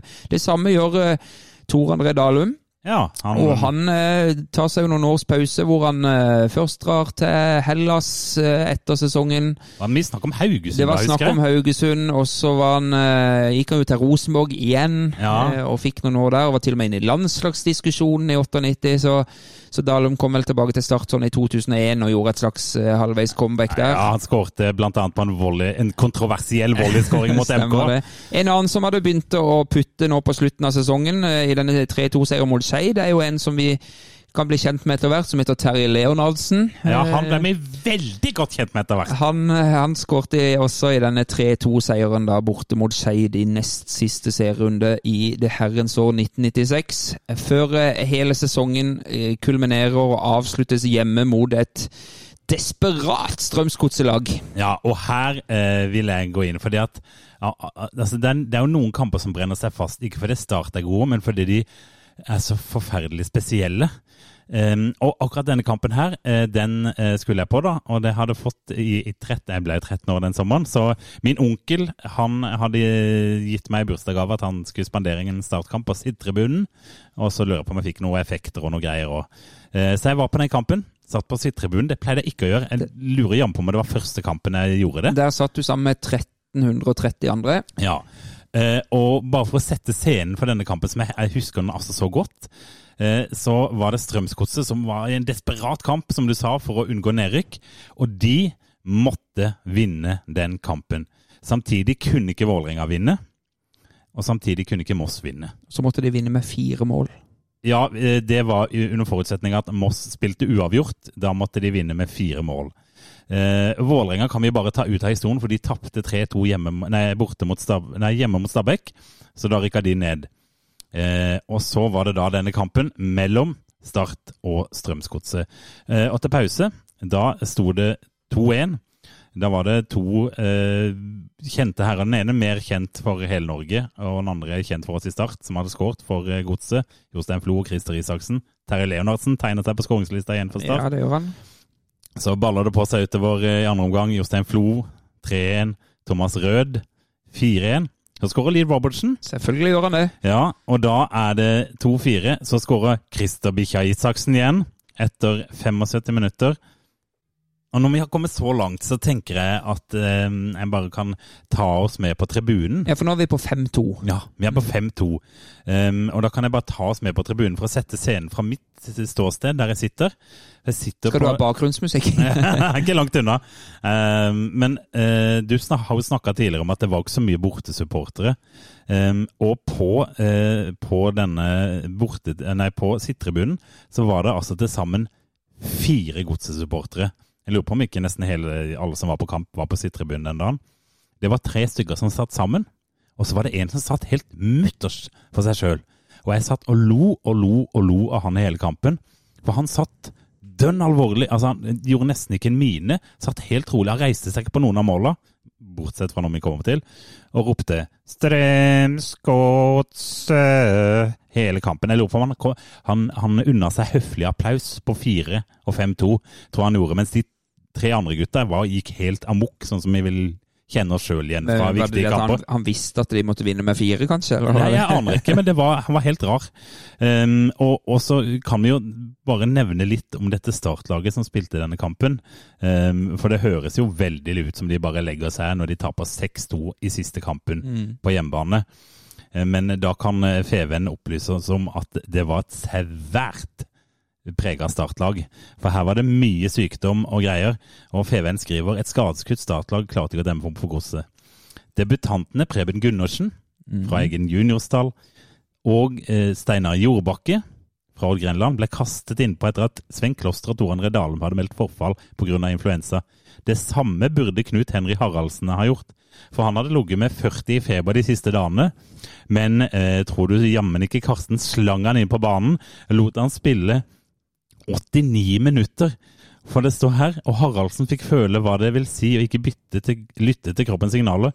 Få minutter før slutt gikk unggutten ned for telling. Spyttet sprutet ut av munnen. Det var, det var jeg som tvang han til å spille, men hva skulle vi gjøre? Vi måtte sette inn en reserve for reserven, sier starttreneren. Og hvem satte han inn etter 89 minutter?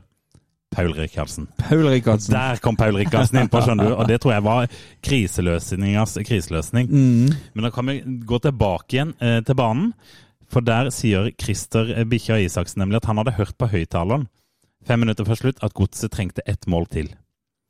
Eh, for det ble 2-2 i den Moss-kampen, så det betydde altså at de måtte vinne med fire mål. Og to minutter på overtid så skårer Christer Bikkja Isaksen. Og mannen som har sittet og ropt 'Godset' høflig hele kampen, reiser seg og applauderer mens han roper 'Godset'! Og de tre andre går fullstendig amok.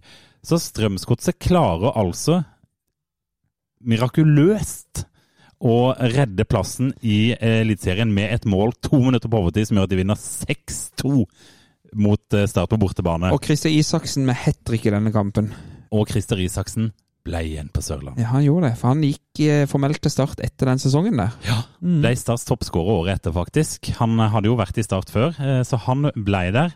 Um, og, og, før vi liksom gjør oss helt ferdig med den kampen, så har jeg funnet fram noe, noe veldig gøy fra Fevennen. Eh, som har liksom en sånn fast oppsummering av alle kampene. Eh, og det er liksom eh, Ja, de har bare noen punkter. Eh, der hadde du et punkt som heter 'måtte nesten'.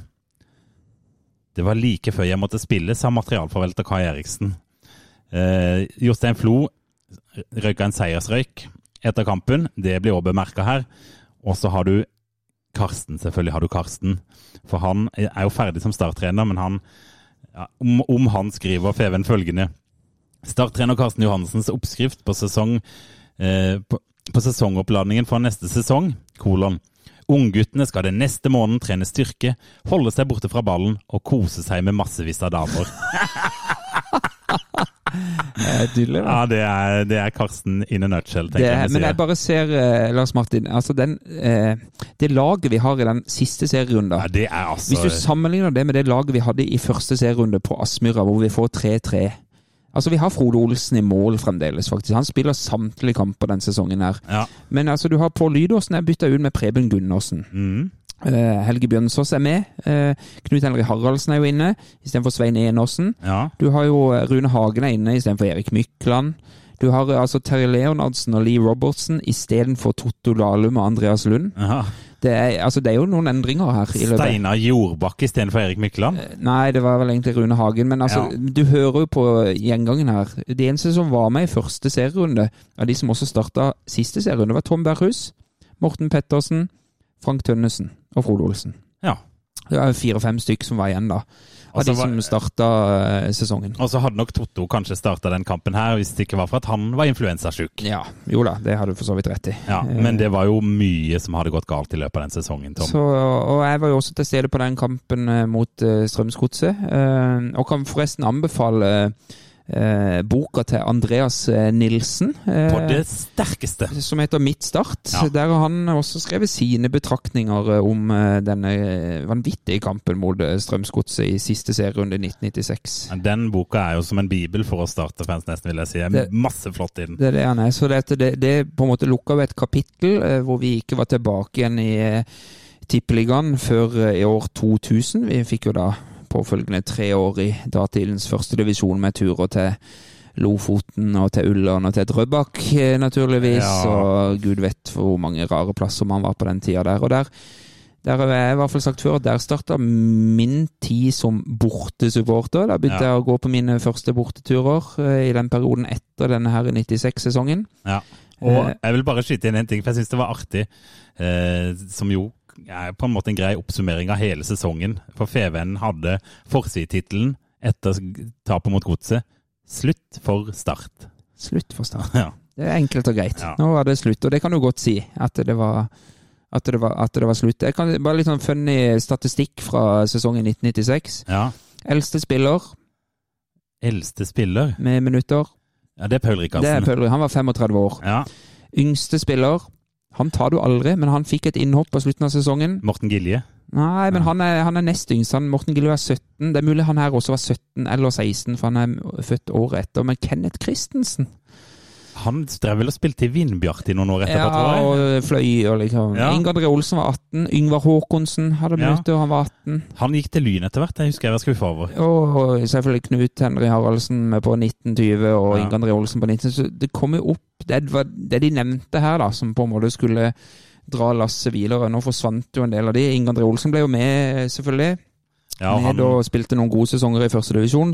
Da var det jo primært sammen med Bjørn Stefansen, vel, i, Bjørn Stefansen, ja. i årene etter. Som også var ung på den tida, men var utlånt dette året her, da, som jeg nevnte. Foran Sindre Gundersen i mål, hvis jeg husker helt feil. Det er også helt riktig. Start to dette året her. Ja, det må være interessant. De havna sist, de òg. Så det fikk jeg følge og dette her. Rykka ned til tredje divisjon. Da fikk de havna sist i andre divisjon. Ja. Eh, og så er det litt sånn, jeg syns det er litt sånn sykt at altså, Det var jo Lee Robertson som ble toppscorer dette året her. ja, han kom jo til sommeren, da. Han kom til sommeren, så han hadde levert jo en absolutt godkjent høst, kan du si, med Ja. åtte seriemål, og så hadde han to i cupen. Mm. Uh, bare si det, vi røyk ut i fjerde runde i cupen det året her mot uh, Moss. Mot Moss, ja. Tapte på straffer der, altså. Nei, Det, det lurer på om jeg har gjort flere ganger i Moss. Så det er jo ikke noe bombe at ikke vi kom lenger enn til fjerde runde. Andreas Lund og Totto Dalum til sammen hadde ni skåringer. Ja, men de var, de var ikke helt i form, de gutta der. Nei det var mye skrangel i de beina der. Men Totto skåret- nei, spilte 23 ligakamper og skåret fem mål. Ja. Andreas Lund fikk bare 15 kamper, da, så han var en del skada, og så gikk han jo til Molde. Molde, ja. Um, han jo erstatta vel kanskje Ole Gunnar, han? Det var vel eh, tanken, det, ja. Ja. Mhm. Litt andre spillertyper, men allikevel. Ja da, så han skulle inn og bryte opp den der, de der tre S-ene, da. Ja. Så, så det er egentlig sånn 1996 eh, Mange vil jo mene altså Det er jo litt sånn sprøtt. da. Hvis, altså, vi har, vi har tre hjemmeseiere det året. Det er Molde, Rosenborg og så denne 5-0 mot Moss. da. Ja. Og så har vi, slår vi Skeid og Kongsvinger bort. Vi har fem seire. Eh, og, og sesongen ender med intet mindre enn 71 innslupne mål ja, det på 26 kamper. Og da hadde du en fyr i landslagsklassen i mål. Det var det du hadde. Frode Ja. Olsen spilte samtlige kamper, men det var jo aldri den samme back-rekka omtrent. Nei, det var mye, og det, det var mye ungt etter hvert. Og og Tore var- Løvland, som vi nevnte, han gikk jo før sesongen, kom tilbake, ble henta inn på sånn Ja, og de måtte slenge inn på Paul Rikardsen. På altså, og, Signe Mm. Tåa. Men uh... Året i forveien så havna Strindheim sist med 17 poeng. Vi endte opp på 18 poeng. ja. Nei, det, det var, det Men, var men kan, vi si, kan vi si at det er starten på nedturen? Ja, på så mange måter. Eh, for jeg vil ha en oppsummering helt på slutten, men, men, men før det, Tom, så er vi jo ikke starten på det uten å ta Hei- Heida Bleig, er vi det? Nei, det er vi faktisk ikke. Skal vi ta en årets Heid og Bleig? Ja, vi jeg kjører en jingle, og så tar vi en Heid og Bleig fra det året der.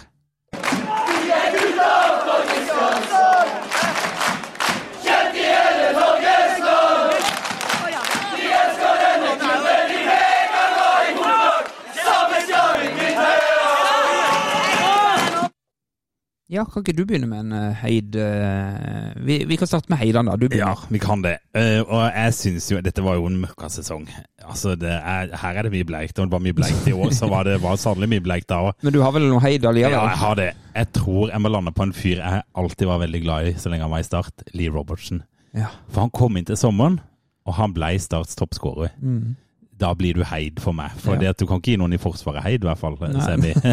Nei, ikke si det. Ikke si det. Men jeg er veldig glad i Lee Robertson. Han har et sånn lite rom i mitt starthjerte. Mm. Eh, så jeg syns egentlig det er veldig Ja. fortjent. Jeg syns det var en fin Heid. Jeg har jo faktisk noen i Forsvaret som Heid. Å ja! Jeg har eh, det jeg kaller eller, ja, ung- ungguttene i Starts midtforsvar. Ai, ja. For dette er bare Jeg kan, jeg kan, jeg kan sitere her. Ja. Feven nok en gang her. Det var, jeg tror dette var etter kampen mot, eh, mot Moss. Eller Ja. det er det helt åpenbart, når vi vinner 5-0.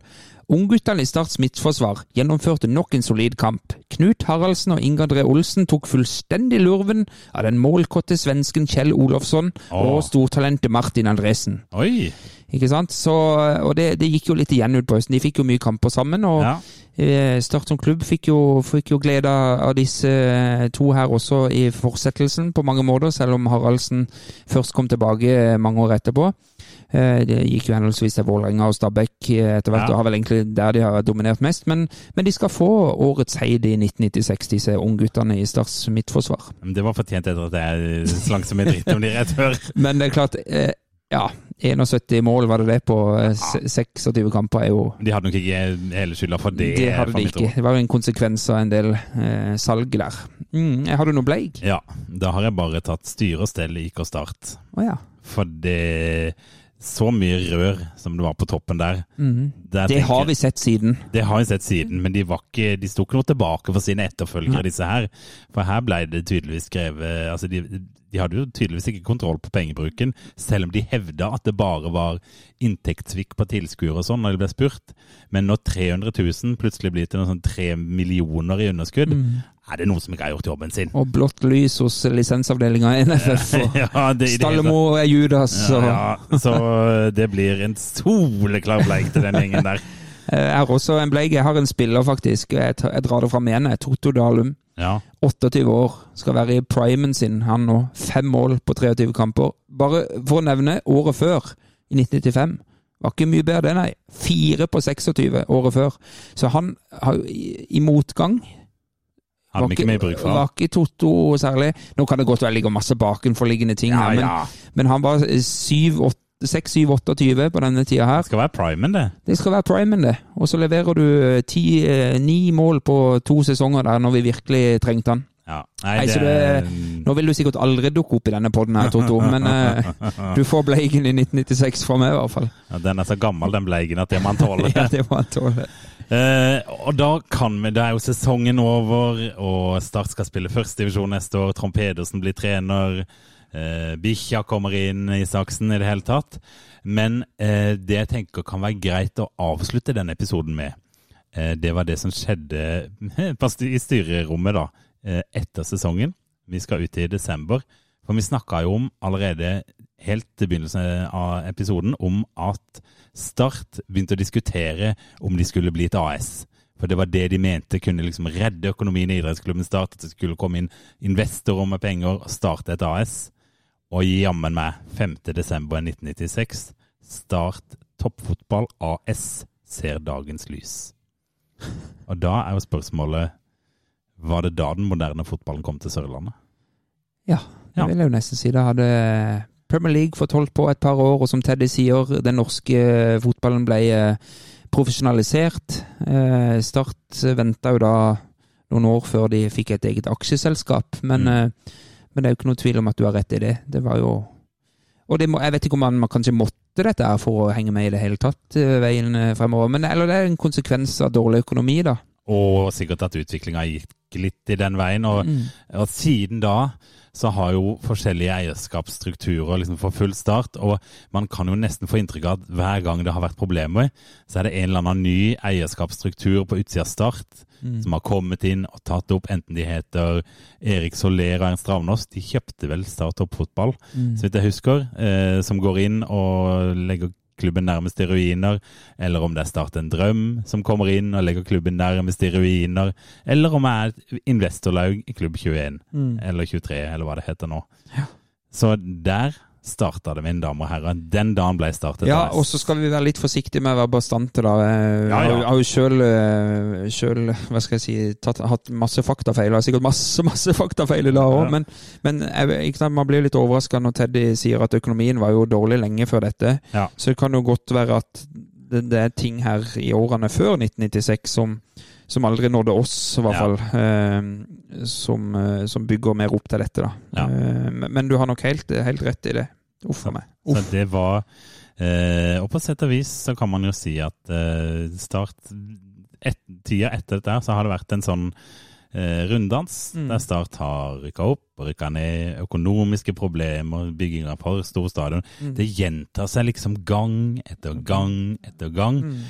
Så derfor er jo 1996 en helt perfekt sesong å begynne med i denne retrospalten. Mm. Det er på en måte et sånn blueprint for mye av det som skjer etter. Ja, og så var det vel for meg og det sin del også starten på vår vår vært skikkelig lidenskap for klubben òg. Ja.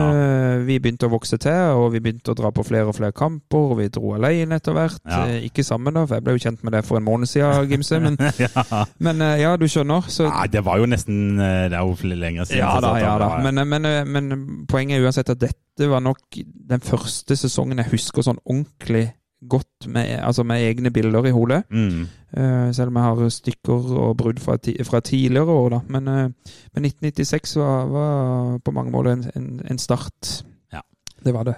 Så Så, kan vi jo diskutere om det var starten på nedtur eller en opptur, alt ettersom hvilket blikk man har på det. Ja. Mm.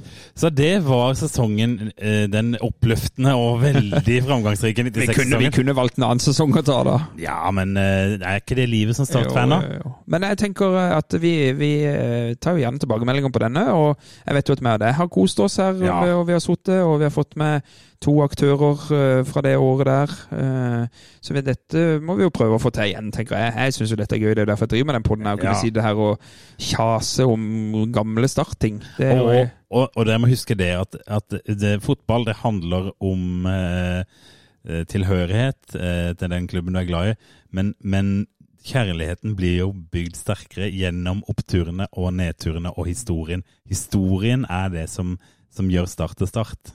Tenk hvor kjedelig Rosenborg hadde det på den tida her med 14 seriegull på rad. Skal vi avslutte med Heia Start? Heia Start. Heia Start. Jeg ser inn i 22 resignerte ender! Hvor er gløden?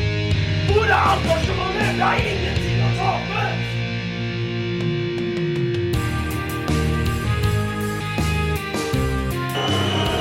Da forlenges tid på Martin Ramsland. Skal du sette etter? Og så gjør han det! Martin Ramsland!